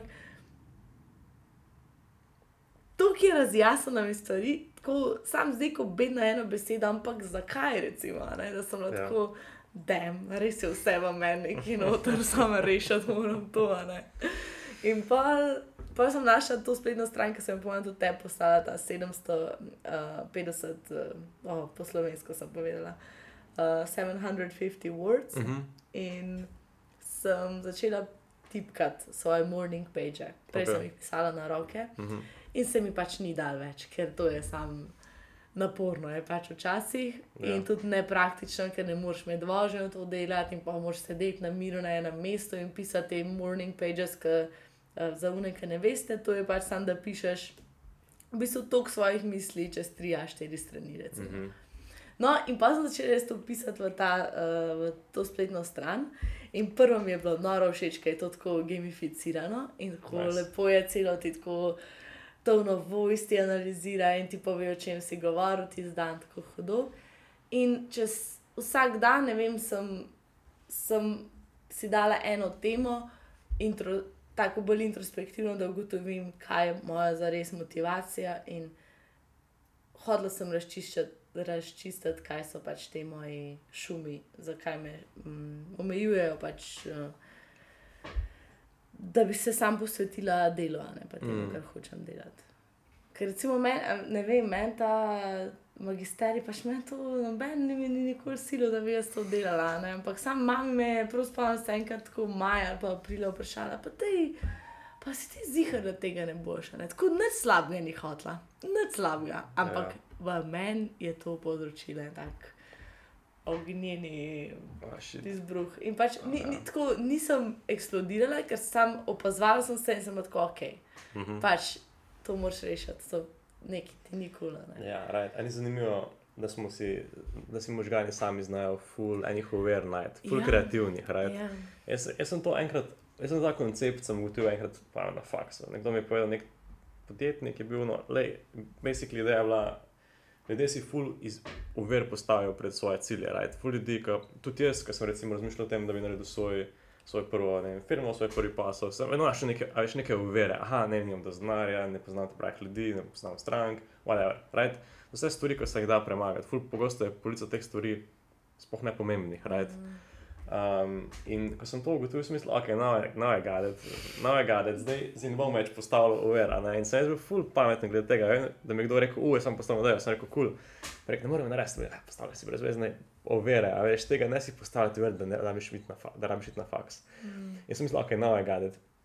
In pa me je ene par ljudi full uh, čakalo nazaj, ker sem si jaz še vedno iste uvere postavljal. Mislim sam, da sem si moče pol manj, ampak sem mislil, ok, I. In, ampak sem si jih še vedno, še vedno sem in še danes se ujamem, ko se rečem, fakt, svet sem si postavil eno brezvezno uvero. To sploh nima nobenega, uh, sploh ni povezano z mojim ciljem, to je sam mm. distraction. In um, je crazy, kako kreativni so, so možgani, ki se hočejo izogniti nečemu, kar se, mi- se jim zdi, da je neprijetna stvar. Ja. Right? Ali pa včasih pa se mi zdi, kot da si hočejo postati ovire, da jih premagajo in bi se pol boljš počutili, ker so neki premagali. Ne? Sam, ne vem, tako kot ima pač podjetje. Jaz sem pa, zato ker sem pač, ker sem v Delta Hubu tako še vsem zelo sem upeta v to, kako pač stvari delujejo. Sem, tam smo glih veliko razmišljali o company visionu, pa company strategiju. In sem si rekla, pismo, pa če to delajo vsa podjetja, zakaj to zase nobeni? Mislim, je bi to zase rada postavila, da jaz vem, mhm. kaj je moj, zakaj jaz delam to, kar delam. Kaš, pa ne to samo karierno, ampak tako, kaj je moj cilj, essentially. In pol ti zgubi, ne vem nek, neki tajkli ali pa neki tako uspehi. Pač to, sam, to je pač sam, ne vem kako bi rekla, stranski izpust. Mm. Pa mhm. pač um, nekaj, kar se oprime na to, da hočeš biti pač dober človek. Me, jaz sem ugotovila, da mi je full fine. Pa zakaj snimam ta podcast? Tako, pač ne vem zakaj. Ampak sem ugotovila, zdaj, zakaj. Zato, ker meni je najbolj pomembno to, da povemo nekoga zgodbo, da, da jo on sam pove ali pa ona, ne samo da ti mhm. jaz dam možnost, da to narediš, in hkrati, da jaz se naučim od tebe, ful velik. In sem ugotovila, da sam postavljamo gledalo sebi, uh mhm. -huh. ker si želim, da bi, um, da bi nekomu to malo pomagalo. Ne? In to predajanje znanja in to neko učenje tukaj nekje se gibam, vse še ta moja ta vizija, to še ni čisto oblikovan, pa se bo. Ampak je pa, je pa ful lažje. In to, se, to ne pomeni, da, tega, da ni dvomov, da ni teh um, šumov, ampak si mhm. lažje odgovorim, hej, brez veze je. Ali pa ne, it's not time, nekaj drugega. Tudi kjer je knjige berem. Um, da pač ne zgubljam časa ali pa svoje energije, v, da, da zlivam gorivo na svoje dvome. Ker ja. moraš zaupati svoji intuiciji, kot si, že, si mi tudi večkrat svetoval, tudi pri produktu, da včasih intuicija je pač the right path to take. Svoje intuicije, kjer je dvomi, so ta pravi, pa kjer so sam te ovire možganske. Ja, ja, ja. In je, ja, je pač lažje, no ne vem, ful, ful, ful lažje. Hej, by the way, prej si umenila vizijo, pa sem. Ja. Je bila vizija full všeč, pa sem videl, kaj si povedal svojo vizijo, kar se yeah. ne ja. vidi na podkastu. Yeah. Ja. Vidim, da te full inspira tvoja vizija, da te full it makes you glow up. And, and that's, to, je, to je dobra vizija, to je, to je amazing vizija, res. Zato, Ni še ker, perfect wording in me to kmoti. It's never gonna be perfect, yeah. that's fine.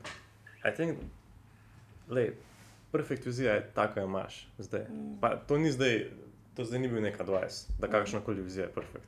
I think, da je, če imaš vizijo, ki je tako dobra, da it makes you kind of glow up, it makes you kind of like, aj šuno, fuck, yeah, let's go, let's do it. It's, good, it's perfect, it's already perfect. Mm. Right? In tudi če lahko narediš še boljš.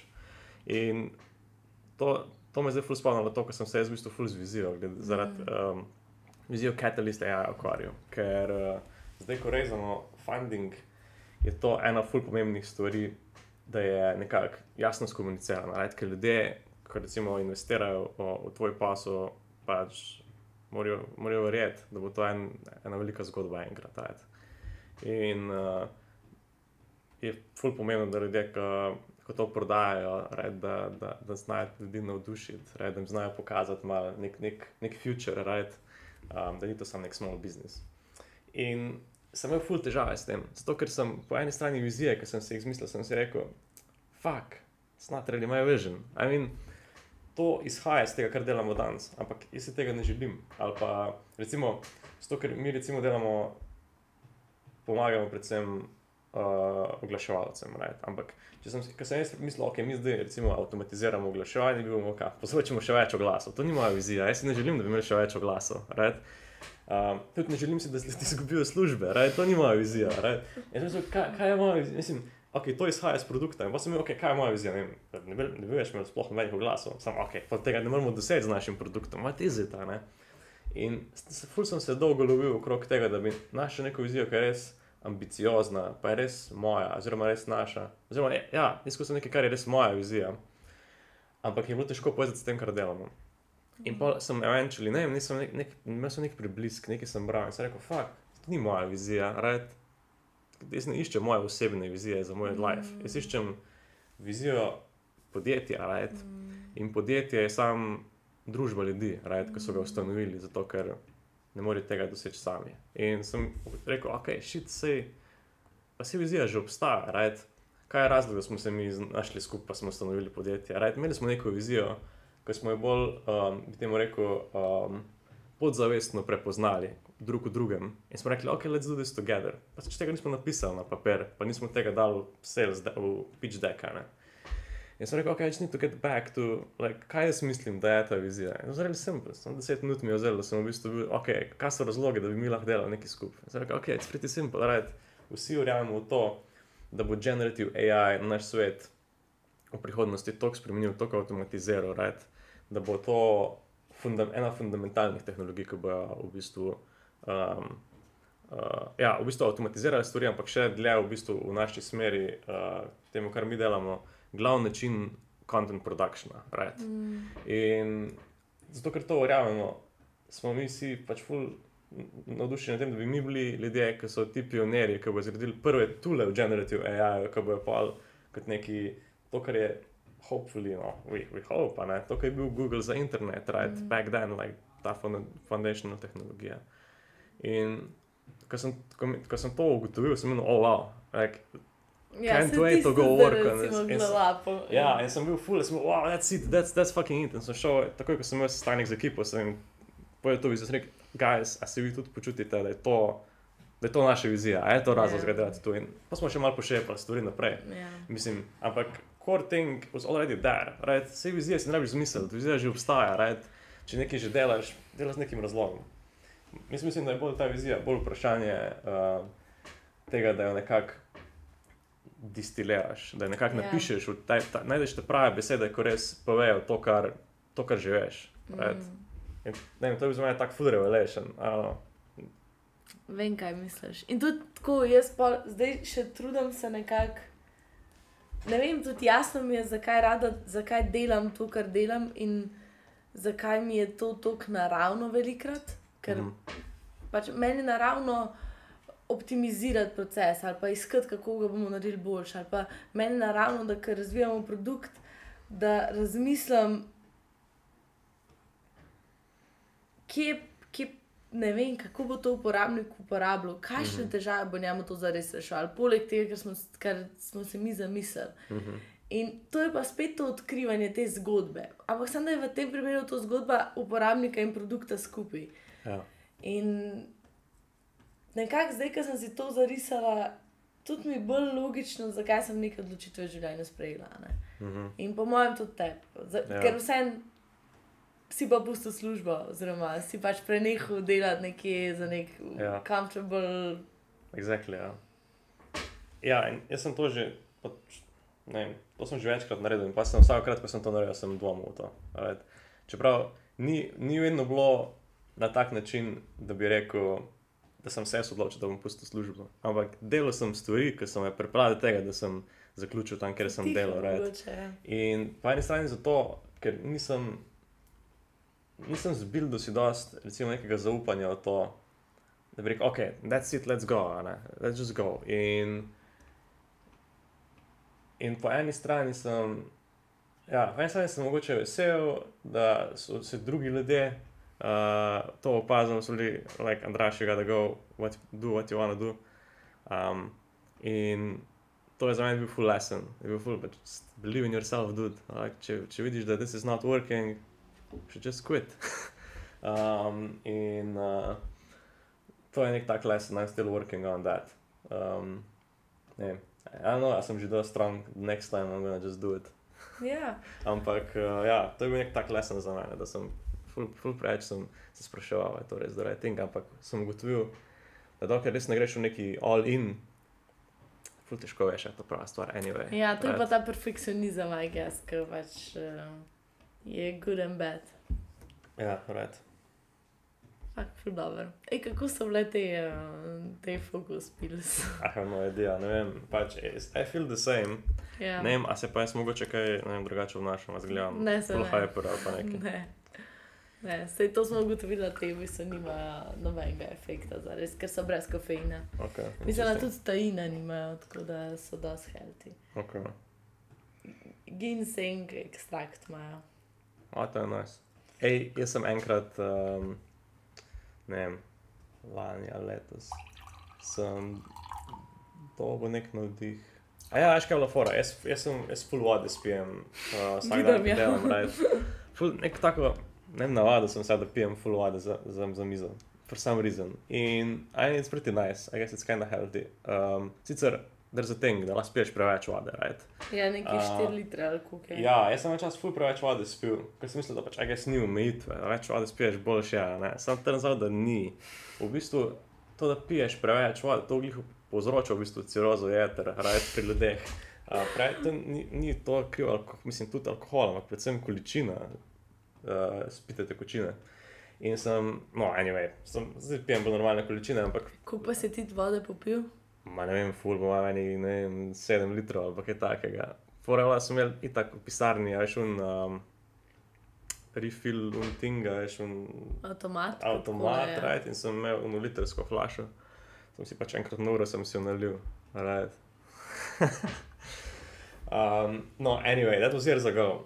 Uh, da sem pol prebral neto, da to ni zdravo. Ampak si, nisi pa nič tako začutil, da, da nisi No, počutil sem se v redu, Saj, verjetno ni bilo še ful, verjetno ni bilo ful kritično še takrat. Ok. Okay. Sam ugotovil sem, just a lesson to everyone, pač tudi preveč vode lahko spiješ. In anyway, no, v glavnem, še vedno spijem kar dosta vode in uh, sem se ful navličil vodo pit. Right? Ker sem, sem pil zdaj, ne vem, pač 3-4, da sem ful pil za računalnikom vodo, sem, ok, I can't do it anymore, in pa sem začel ful pit nek sok, sam, a no, to ful ni zdravo. Pa tudi, tudi soka sem se bolj navličil. Okay, kaj zdaj naredim nekaj, da bo voda z okusom ali nekaj. In sem rekel, ok, fuck, čaj, right, nafijem čaj. Um, in kaj sem začel delati, da sem si sem kupil prvo nek zeleni čaj, pa sem bil, ok, ok, dobro, jaz kave ne pijem z razlogom, ker hočem piti preveč kofeina. Če pijem za zeleni čaj, it's kind of the same, right. Pa bom pil, moram piti nek čaj brez kofeina in se pa odkril ta ginseng, right, to je nek, kaj je to slovensko, ne vem, whatever. To je neka kitajska, neko Okay, to sploh ne poznam. korenina v glavnem, right. Okay. In sem kupil ta čaj v čajnici in sem si to začel kuhati. In sem bil, oh, wow, to mi da prav energy boost, ne, pravno zbudim se, da sem spil nek pač črn čaj. In sem to, in sem, pa sem čaj, sem full hiter spil in sem bil, oh, that's really great. In pa sem šel še enkrat v čajnico, sem rekel, "Daj- dajte mi pač ta ginseng, sem rekel, ne, imel sem ginseng, kaj zmešan z zelenim čajem, ne, pa sem bil, ok, verd, kaj pa je to? Pa sem bil, oh, fuck, ok, to je čaj, ki ga že skozi pijem. In sem bil, ok, dobro, jaz sem dobil energy boost od zelenega čaja, ne od ginsenga. Ja. Spet sem pil kofein, anyway. In um, zato vem, zakaj je ginseng. No. It's Neka taka kitajska korenina je, ampak to ti dejansko ne da energy boosta. Okay. Ta ti je sam ponadi zmešan z zelenim čajem. Kaj pa piješ drugače? Zdaj spet pijem full vode, ampak. Uh, Kaj pa drugače sirupi? Drugače pa tudi full pijem um, brezkofeinski zeleni čaj. Okay. To je full nice. Za sirupe imam pa jaz eno priporočilo. Zdaj, ko smo bili na Jadranju prejšnji teden uh Mhm. -huh. in uh, smo bili na Visu in smo kolesarili po celem Visu in vsi zmatrani, ampak meni se ni dalo staviti uh, na pijači, ker smo tako, da gremo, da bomo sam čim prej konc. Uh -huh. Čeprav je bilo tako najboljši dan mojega, mojega poletja, po mojem. Okay. No, in se ustavimo v neki konobi, in smo vsi videli neke sokce, gor na meniju. Tako, um, kako, kako je prevod slovenski. V glavnem, malina, uh Mhm. -huh. žajbel, Uh -huh. bezek, tako taki zanimivi. ja, Citrusi še neki in to je tako dober sok bil. a res. Oh. Tako, da bi dobesedno brez sladil tak prav okus je bil. No? Uh -huh. In vsi slikamo, hočemo kupiti v trgovini, in ugotovijo- ugotovimo, da oni samo B2B prodajajo. What? In je pač neka slovenska, ne vem, zdrava prehrana, trgovina, Okej. ne vem točno kaj. Ja. Kjer pa kupaš liter pa pol sirupa od tega. Uh -huh. In je tako še boljš, ker Wow. pač lahko pa si svoje razmerje delaš in res je dober okus. In zdaj sem si to naročila, imenuje se pa Agropošta. What? Tako, to pa fulma je lep, tako Čakaj, vizual. pa Agropošta je, je dejansko njihov sajt, to je njihov servis. Ne, to je pač, ne vem, ne, ni servis, pač ime, ime Sem to je prav. Sam kaj, zakaj je pošta? Ne vem, Aha, ok, dobro, ni to nek delivery servis. ne, le tako je, pač tako ima agropošta. Fulja je v bistvu slabo ime, če, če tako Okay, Sva iskrena. No, mogoče ne razumemo njihove vizije. Mogoče, dovolj, ja. ampak, Mogoče. Ampak, Ja. ja. ok, o, lepe slike imajo. ja, ful, ampak to je samo B2B page. In sploh ne moreš naučiti prek njihovega websita kot konzumer. Ampak pol za njih distribuirajo. Naši. Velikih je tudi, Zanimivo. mislim, tudi v Nemčiji, tako res je ogromen tega. Nice. Tako da to je pa moj uh, two cents predlog. No, ja, mogoče provam. Ej, imamo, jaz sem full sok, full domačega soka. Moja doma imajo full uh, sadja nasajenega okrog hiše. Ne vem, razne maline. Jabolka? Ne. Maline. Uh, ja, breskve, recimo. Pa, vem, um, ribes, take stvari. In pol full uh, jeseni ali pa konec poletja, ko full tega zraste, pol pa ali skuhajo full soka, zato da se ne pokvari. Ker literally, letos je moj fotor nabral, ne, tvajem, ne, 50 kg uh, breskov ali pa nekaj takega. Okay. Moč malo pretiravam, ampak ja, full. Ogromno, raj, tega ne moreš povedati. In pa ti dajo to za domov. Ja, ja. Tako so se pol No, spijali. pa je pa zdravo, mislim, to ni tako um, nezdravo, čeprav sem dal sladkorja. že Ja, ful je sladkorja v tem. Ne, se tega še vedno ful spijem, sam. Še vedno spijem več vode. Sam 7 litrov je pa kar huda. Ja, to je bilo ful. Ano, nek tak, ano, kaj, kaj, kaj, nek addiction je bil na zvodu. Prav. Drugač to je res v ofisu, ker pač ti je, ne da ti je dolg čas, sam tako v telesu je mogoče dolg čas, medtem ko ti delaš. Ja. In jaz sem, jaz sem, in ful je dober razlog, da pač primaš flaško in sam greš tako ven in si natočeš vodo, Ja, ja, right. in priješ nazaj. In je to nekih tvojih tri minute, uno, ja, nek tak. rutine je. Ne? Ja, in še pol pri mizi, to je en tak In tako da fidget. sam Ja, dvigaš in piješ. In... Right, in sem začel, na začetku mislim, da sem jaz ful premalo pil vode. Right, in sem začel, sem rekel, ok, fuck, jaz sem neki piti, sem čist dehidriran, uh, pač it's not good. In pol um, sem, a no, sem, več vsakrat sem mogoče mal, mal bolj pogosto naredim požirek, right. In tako, ker sem Kot da bi neko ful hudo adikcijo, razumem si to rekel. zdaj. pač prav, neki delaš, delam na računalniku in pol, ne se neki nalagam, smo, ok, no, no, spijem, a še požirek vode, right. Uh, včasih nekaj razmišljam, se malo nazaj, spijem požirek vode. In pa, ne vem, jodne vode zmanjka, se je sam deset korakov do, do, ja, do stene dumega avtomata, si nalijem, no, in pol, a no, vsako uro naredim isto stvar. in pol, eventually, ne vem, nekaj sem pol prebral na to, da ful preveč vode pijem. A no, zakaj? Mogoče sem dejansko razmišljal o tem. Po mojem sem, eventually, ko sem toliko vode pil, sem bil fuck, a je to še good? In sem pa videl, da ni. Intuicija ti je povedala, da je mogoče neki laž na robe. Ja, in jaz zato tudi ful, ful dam na intuicijo, zaradi tega, ker ful pogosto, ko so stvari, recimo v podjetju ali pa nekje, ko smo neki delali bile na robe, pa, pa sem jaz imel intuicijo, pa moj feeling bil, something's not right, something's like really wrong.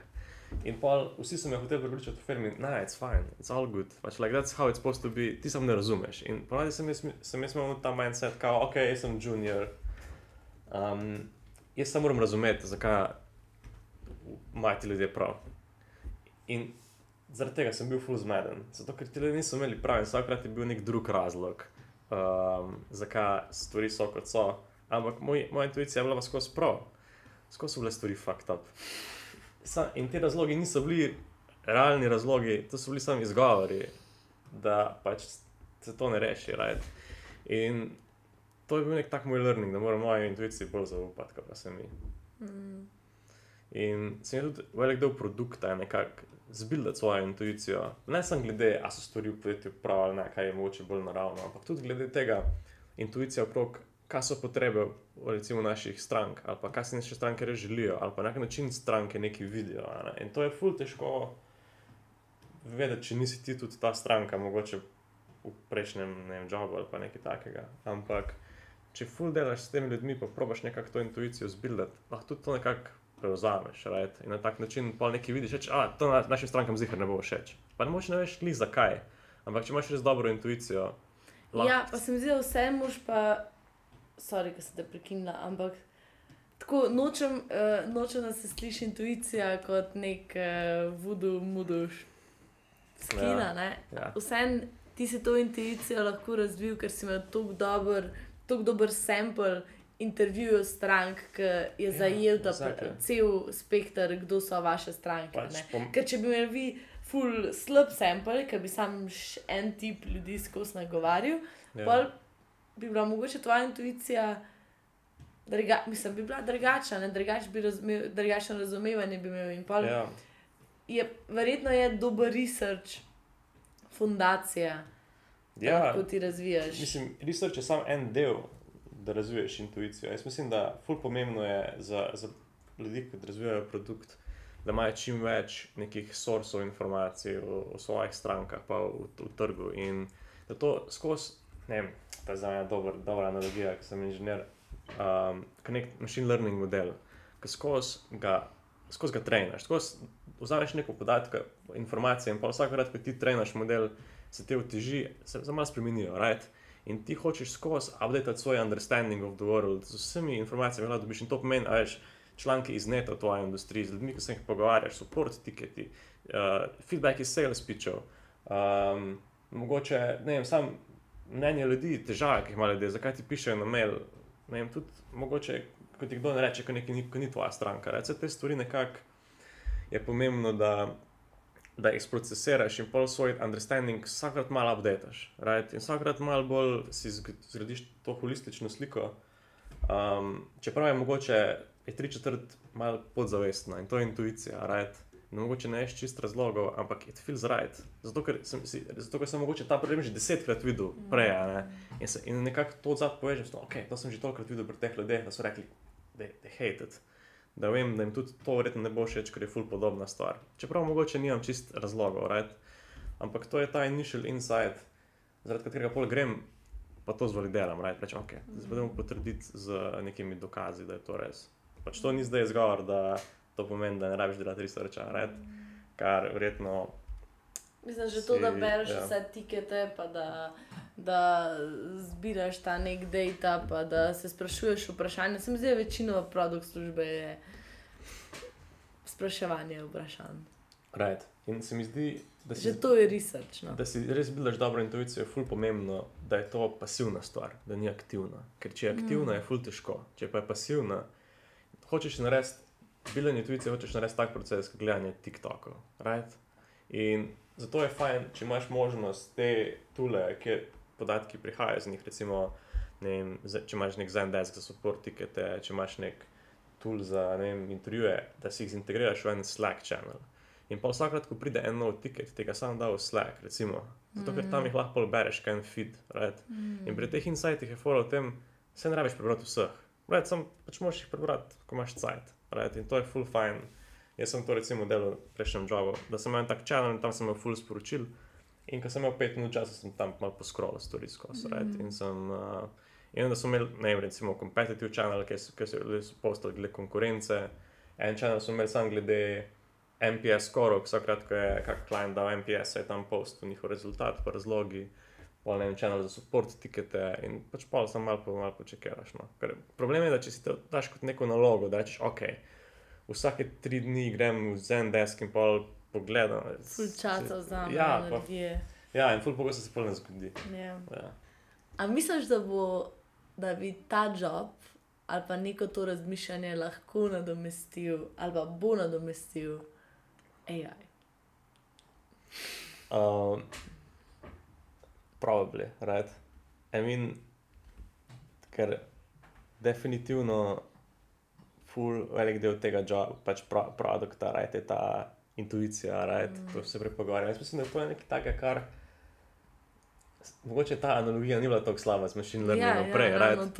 Right, ker procesiranje vseh teh inputov, right, naši možgani so ful omejeni glede tega. Right, ne samo to, da imamo sam, pač ne vem, 16 ur na dan realno, ko lahko razmišljamo. In poleg tega imamo dosti nizek bandwidth, koliko informacij lahko sprejmemo naenkrat. Je to pri AI skoraj neomejeno. Right? In definitivno jaz mislim, da ena prvih stvari, ki bo, ki bo ful, oziroma že ljudje razvijajo produkte okrog tega, bojo po mojem ti insighti. Mm. Da bomo bolj efficiently te insighte nekako zbirali z AI-jem. Zato, ker bo možno vse data source zintegrirati Združiti. ja, v nek GPT-like uh, mm. model, ki bo full hitreje prepoznal patrone, ko bo mm. hitreje znal povezati, ne vem, mogoče nek segment userjev in rekel, ah, tu imaš en insight, v tem segmentu userjev je vedno MPS nizek, mogoče zato, zaradi tega, in something like that, right? In se mi zdi, da, da to bo en po mojem prvih, prvih teh, uh, ko bo automated, ampak pol ta next step, right? Ker to, da imaš nek tak insight, kaj reče, ok, ta metrika je čudna, ta metrika je v tem kohortu, right? To še nič ne pove. Ja, ti ampak je pa pove, ful right. olajšati delo.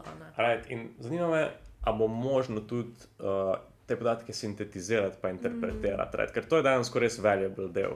In I got a feeling like probably should be possible, right? Um, definitivno zdaj ni. Pač zdaj, jaz I tried, right? Pravil sem z GPT-jem te stvari delati.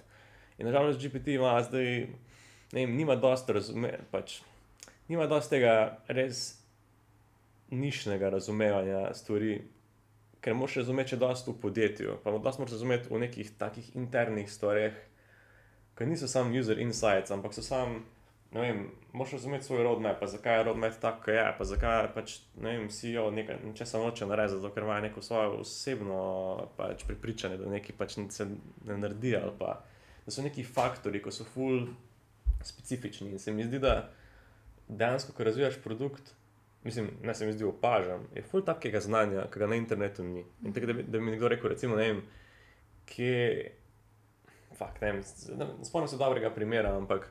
Moče tri četrt znanja, kar je res pomembnega, ga ne moreš poskrepati z interneta, right? ampak so neke stvari, ki si jih ugotovil, zato ker sem jaz bil on-site z eno s tremi strankami in so mi to povedali, in jaz to vem. Right? In dokler ne bomo imeli tega konekšna, da bo AI znal te podatke zbirati od ljudi, da se bo znal z ljudmi pogovarjati, right? Da bo, imel nek, da bo nekako plugged in.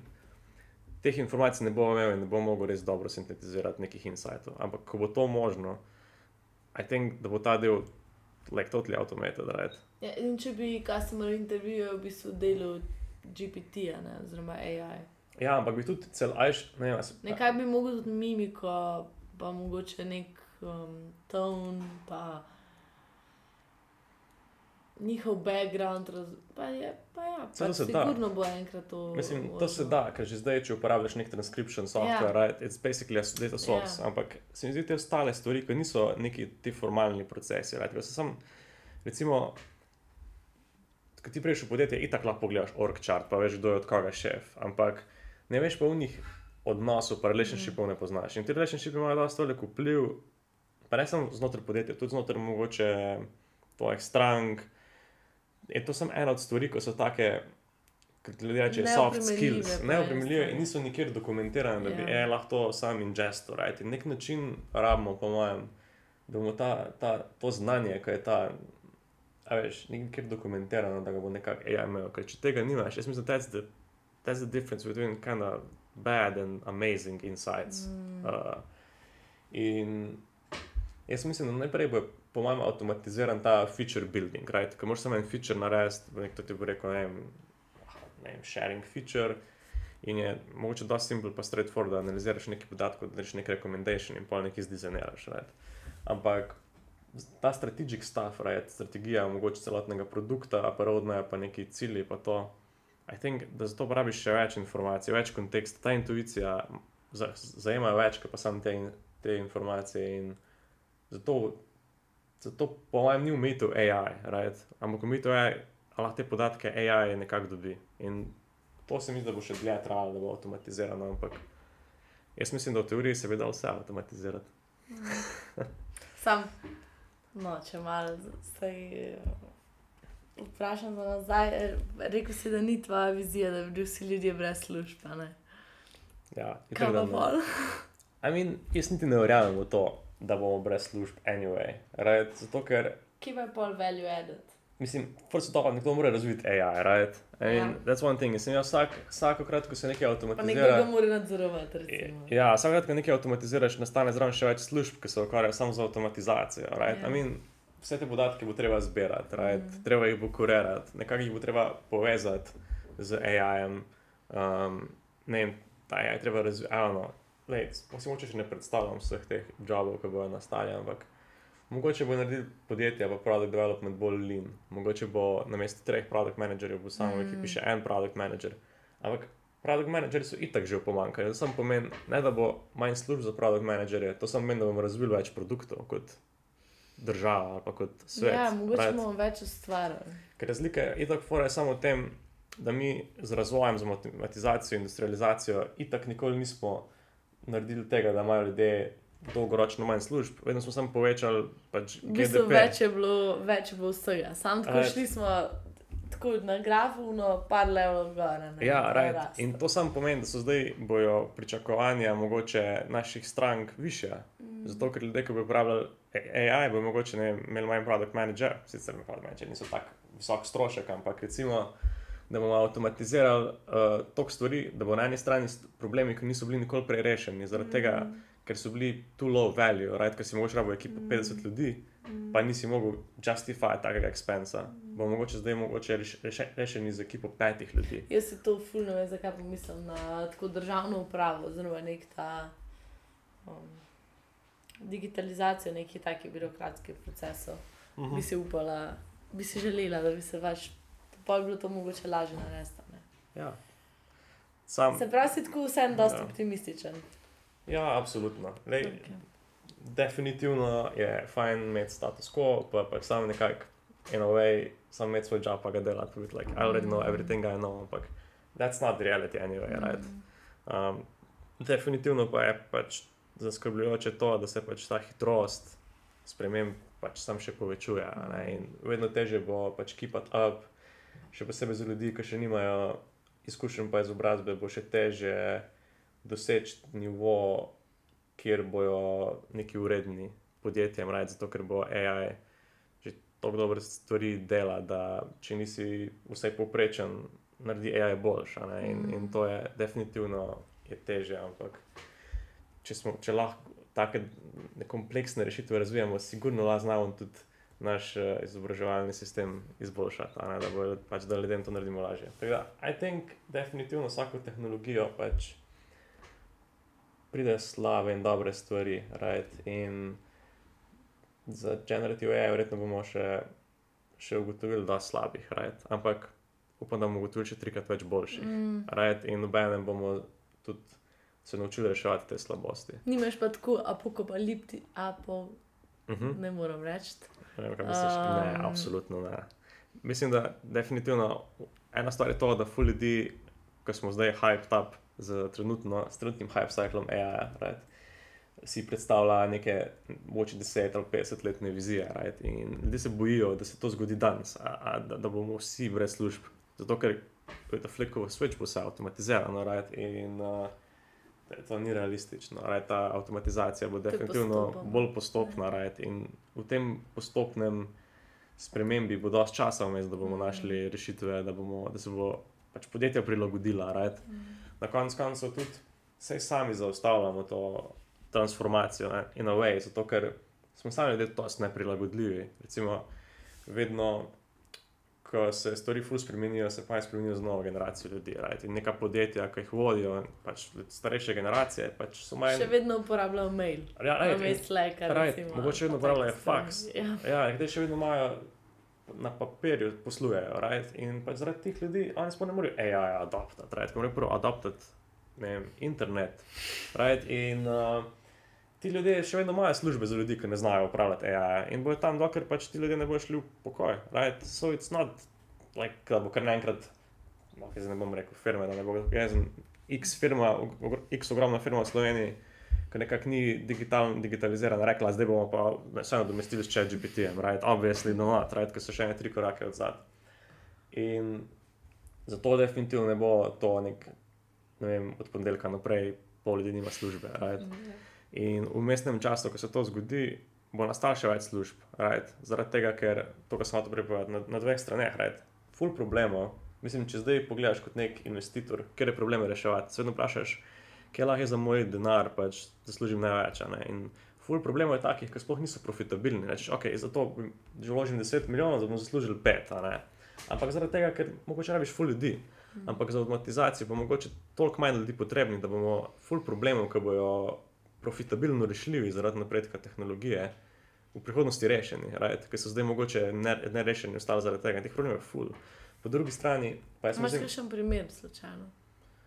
Uh, gledaš take družbeno koristne probleme? I mean, pač večina, jaz mislim, da to je večina takih poslovnih idej, ki ne dobijo fundinga. Right? Pač, mogoče so to neki taki, ne vem, featuri, ki niso produkti, pa temu rečejo ne, investitorji. Mogoče, ne vem, avno. Sorry, nimam Ja, trenutno kakega ja. pripravljenega, mogoče ti lahko po enem brainstormu pa ti kaj dam, ampak Ok. na nek tak način, ki bi nekdo rekel, ne vem, pre, premali market je za to. Recimo, da bi jaz Mm, probal ok, reševati. ja. uh, da jaz re- bi jaz rekel, ok, naredim jaz AI tool za. Um, če spomnim specifiko. Uh, Fule taki, samo da se vas zatesna ne vem, ne spomnim. da bi rekel AI, jaz bom rekel AI tool za pisanje product spekov, recimo. Right? Če, jaz, če jaz ne morem, če bom jaz recimo za to porabil, ne vem. 50 milijonov to razvijem, right? tega mi nikoli noben ne bo dal denarja. Zato, ker produkt menedžerjev na svetu sam, ne vem, 100 tisoč in vsak ti bo plačal maksimalno, ne vem, 20 dolarjev na mesec, right? In to je biznis, kot ti lahko zasluži na leto, pač 1 milijon dolarjev, recimo, ne? prav 50 let, da se povrne investicija. A vem, ta to bi bil kul, cool. Jaz bi ga uporabil in plačal bi 20 dolarjev za njega, ampak ne, ne moreš ga recimo narediti. To je bil recimo en primer. Recimo tudi ta, uh, ta 750 words. Uh -huh. Pač to ne bi nikoli dobili fundinga. A veš, da bi, da bi to šli zares razvijati, nek full app. Pač to je zdaj Mm. spletna stran in super deluje, in je pač ne vem, dva človeka sta za tem in pač ja. to je to. Ja. In, in In, je super, tako kot je, sam. ja.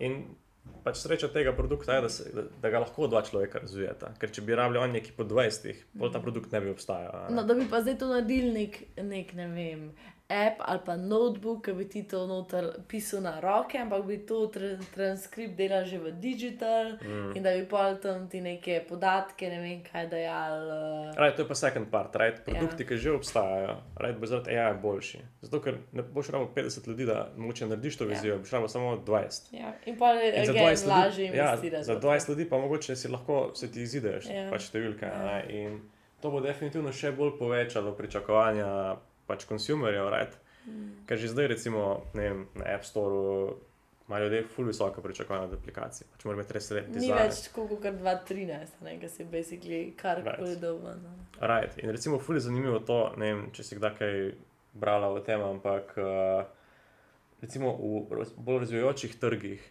Ja. So čisto drugačne pričakovanja do aplikacij, Mm. mm. kot pa so recimo v, v Evropi pa, pa v Ameriki. Ljudje v Ameriki pričakujejo, da dobiš app, da se bi perfect experience, da ne rabiš prebrati nobenih navodil. You Just sign in, v manj kot eni minuti to začneš uporabljati in že vse razumeš, kam moraš uh, razumeti, da lahko pač dobiš ta aha moment.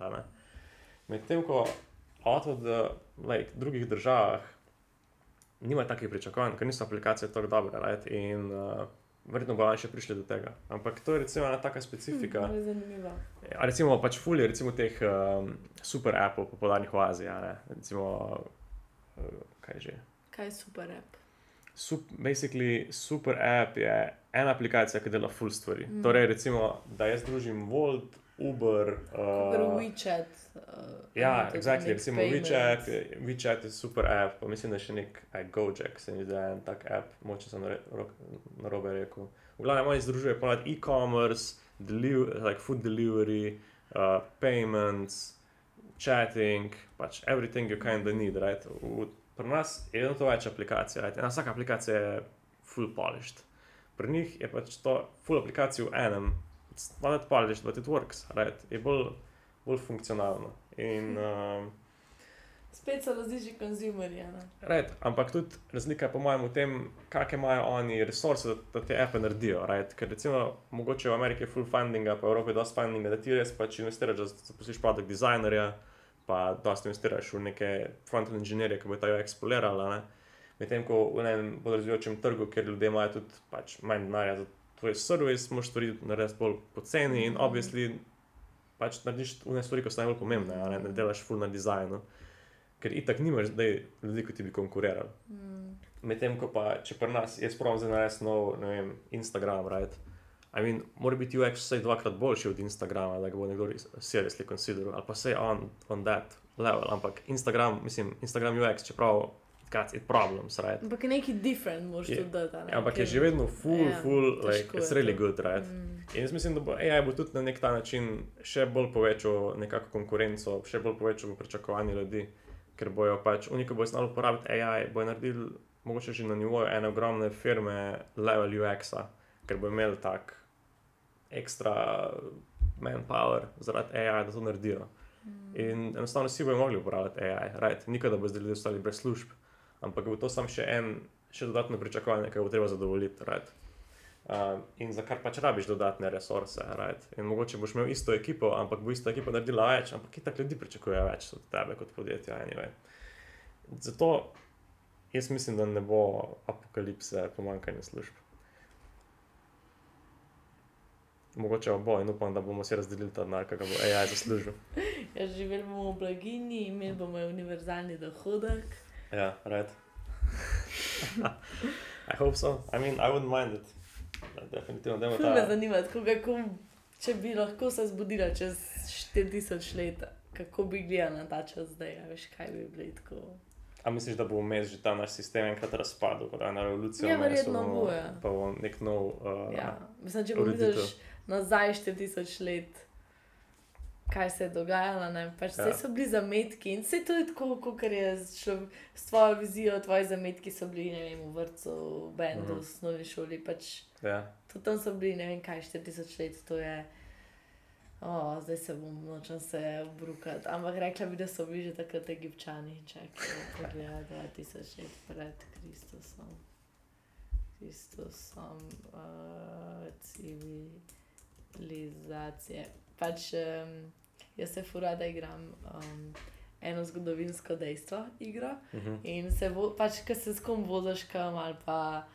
Um, dej no, ne morem delati več stvari hkrati. Time, uh, časovnica, časovnica zgodovinskih dogodkov. Po mojem so bili takrat egipčani. Kaj misliš? Kaj pa so, mislim, kaj, 2000 let pred Kristusom. ja, kaj pa so, mislim, kaj je bil, mislim, kaj, Ha. na kakšen način so povezani? Kako pa, kakšen je pa to timeline? Ja, so bili, ok, rede. So bili, rede. Egipčani, Mezopotamija, super. Samo, s čim, na kakšen so oni povezani z, Ja, no, s tem? recimo so že imeli na neke vrste, uh, to sem hotel reči, so imeli neke vrste um, trade, Uh -huh. neki so pač s temi, s temi, kaj so na Nilu so tovorili to hrano, pa ugotavljali so, ne vem, kako je treba zalivati riž, pa uh, da, da imaš usihajoče. Um, vodo, pa da je treba shranjevati zaloge za takrat, ker ni veliko uh, vode mm. in tako v sušno obdobje. Se pravi, so tako že pač razmišljali o, o družbi in kako poskrbeti za njo, in bila je družba tako. Essentially so, so bili zelo podobni problemi in vprašanja, kot jih imamo zdaj, samo pač na drugem nivoju. Uh -huh. In verjetno tudi zdaj, kar mi počnemo, je pač nek zametek, nadgradnja tega ali pa Rima. Ja, I guess, Oh, sej. Rim, to je pa lih TikTok trend, a si, a si videl. A, a misliš, un, uh, What men think when Roman Ja, Empire, Roman Empire. ja. In ob- odpravim spet en normal. Intervju z uh, dr. Jurek Knezom, se Mhm. pravi Devesofta. In neko vprašanje, in prijemo na rimski imperij. Primerjavo in smo tako, wow, pač da je spani. to je res, pač moški res razmišljajo samo o rimskem imperiju. Jaz, jaz ne razmišljam o enskem imperiju. Mogoče razmišljaš, pa sploh ne veš. Probi se iti to igro, probi se iti to igro, da si izmisliš zgodovinsko dejstvo in pa morajo sopotniki ugotoviti, kje zgodovinsko dejstvo si si izmislil. Okay, In je full fun, ker prvo se ti naučiš full stvari, ker si že izmišljaš neko zgodovinsko dejstvo, sam nisi tako vedno fiks, da znaš vse odgovore. Ne vem, kaj te nekdo vpraša, ali gre za etnični konflikt. uh -huh. Kaj v bistvu je etnični konflikt? A so kmečki upori del etničnega konflikta? Take stvari. Zanimivo. Ja, ali smo se, ko smo se na Jadranu vozili, smo se to igrali v avtu in smo imeli ta neke kmečke upore in je bilo vprašanje, ali je etnični konflikt in je, in je bil odgovor, ne, ni. Ampak pa smo se vsi strinjali, da to je v bistvu etnični konflikt, zato ker je takrat je bil kmet kot etnična skupina. In, Aha, wow. ok, interesting. Ja, Wow, nisem, nikoli nisem o čem tem razmišljal. Honestly, sem razmišljal o tem, da ful premalo poznam zgodovine. Right? Ker se mi zdi, da je kind of good, right? zakaj bi ljudje razmišljali v, v, v rimskem imperiju. I mean, it's got a lot of lessons to learn, right? In to, no, spet bi mogel to biti full bolj effortless, a ne kot scrollanje TikToka. Mm -hmm. In ja. You Can, Ja. yeah. Zihar je bi bila, nisem zato, ker jaz pozabim neke te osnove. Ne? Pač kot timeline si ga približno predstavljam, ampak ta timeline je spet odvisen od tega, kje ti točno živiš, ali si v Evropi ali Ameriki. In zdaj, kako bi lahko si jaz fidala te informacije tako subtilno, vsake toliko časa, mm Mhm. -hmm. veš, da me spomni na tri mesece, oh, rehearse this. Ne?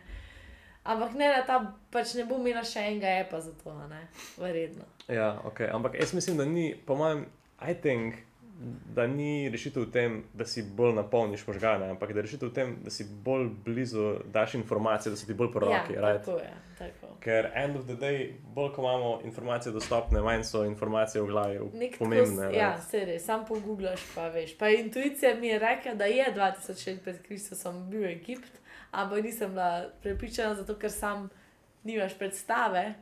Ja, Nimam ja, ja. toliko moče predstave, ker sem toliko oddaljena vsakodnevno od teh informacij. Recimo, what do you think about, okay, to je tako vprašanje, ki je dost, uh, kako se reče. Um, vsak po malem lahko odgovori drugačno. In me zanima, ali bi ti bila dobra rešitev to, da imaš Neuralink in takoj, ko pomisliš na to, ti padejo informacije v glavo in si ok, I gotta stay right here, stay internet. Ja, ne vem, pač zdaj bi rekla, da ne.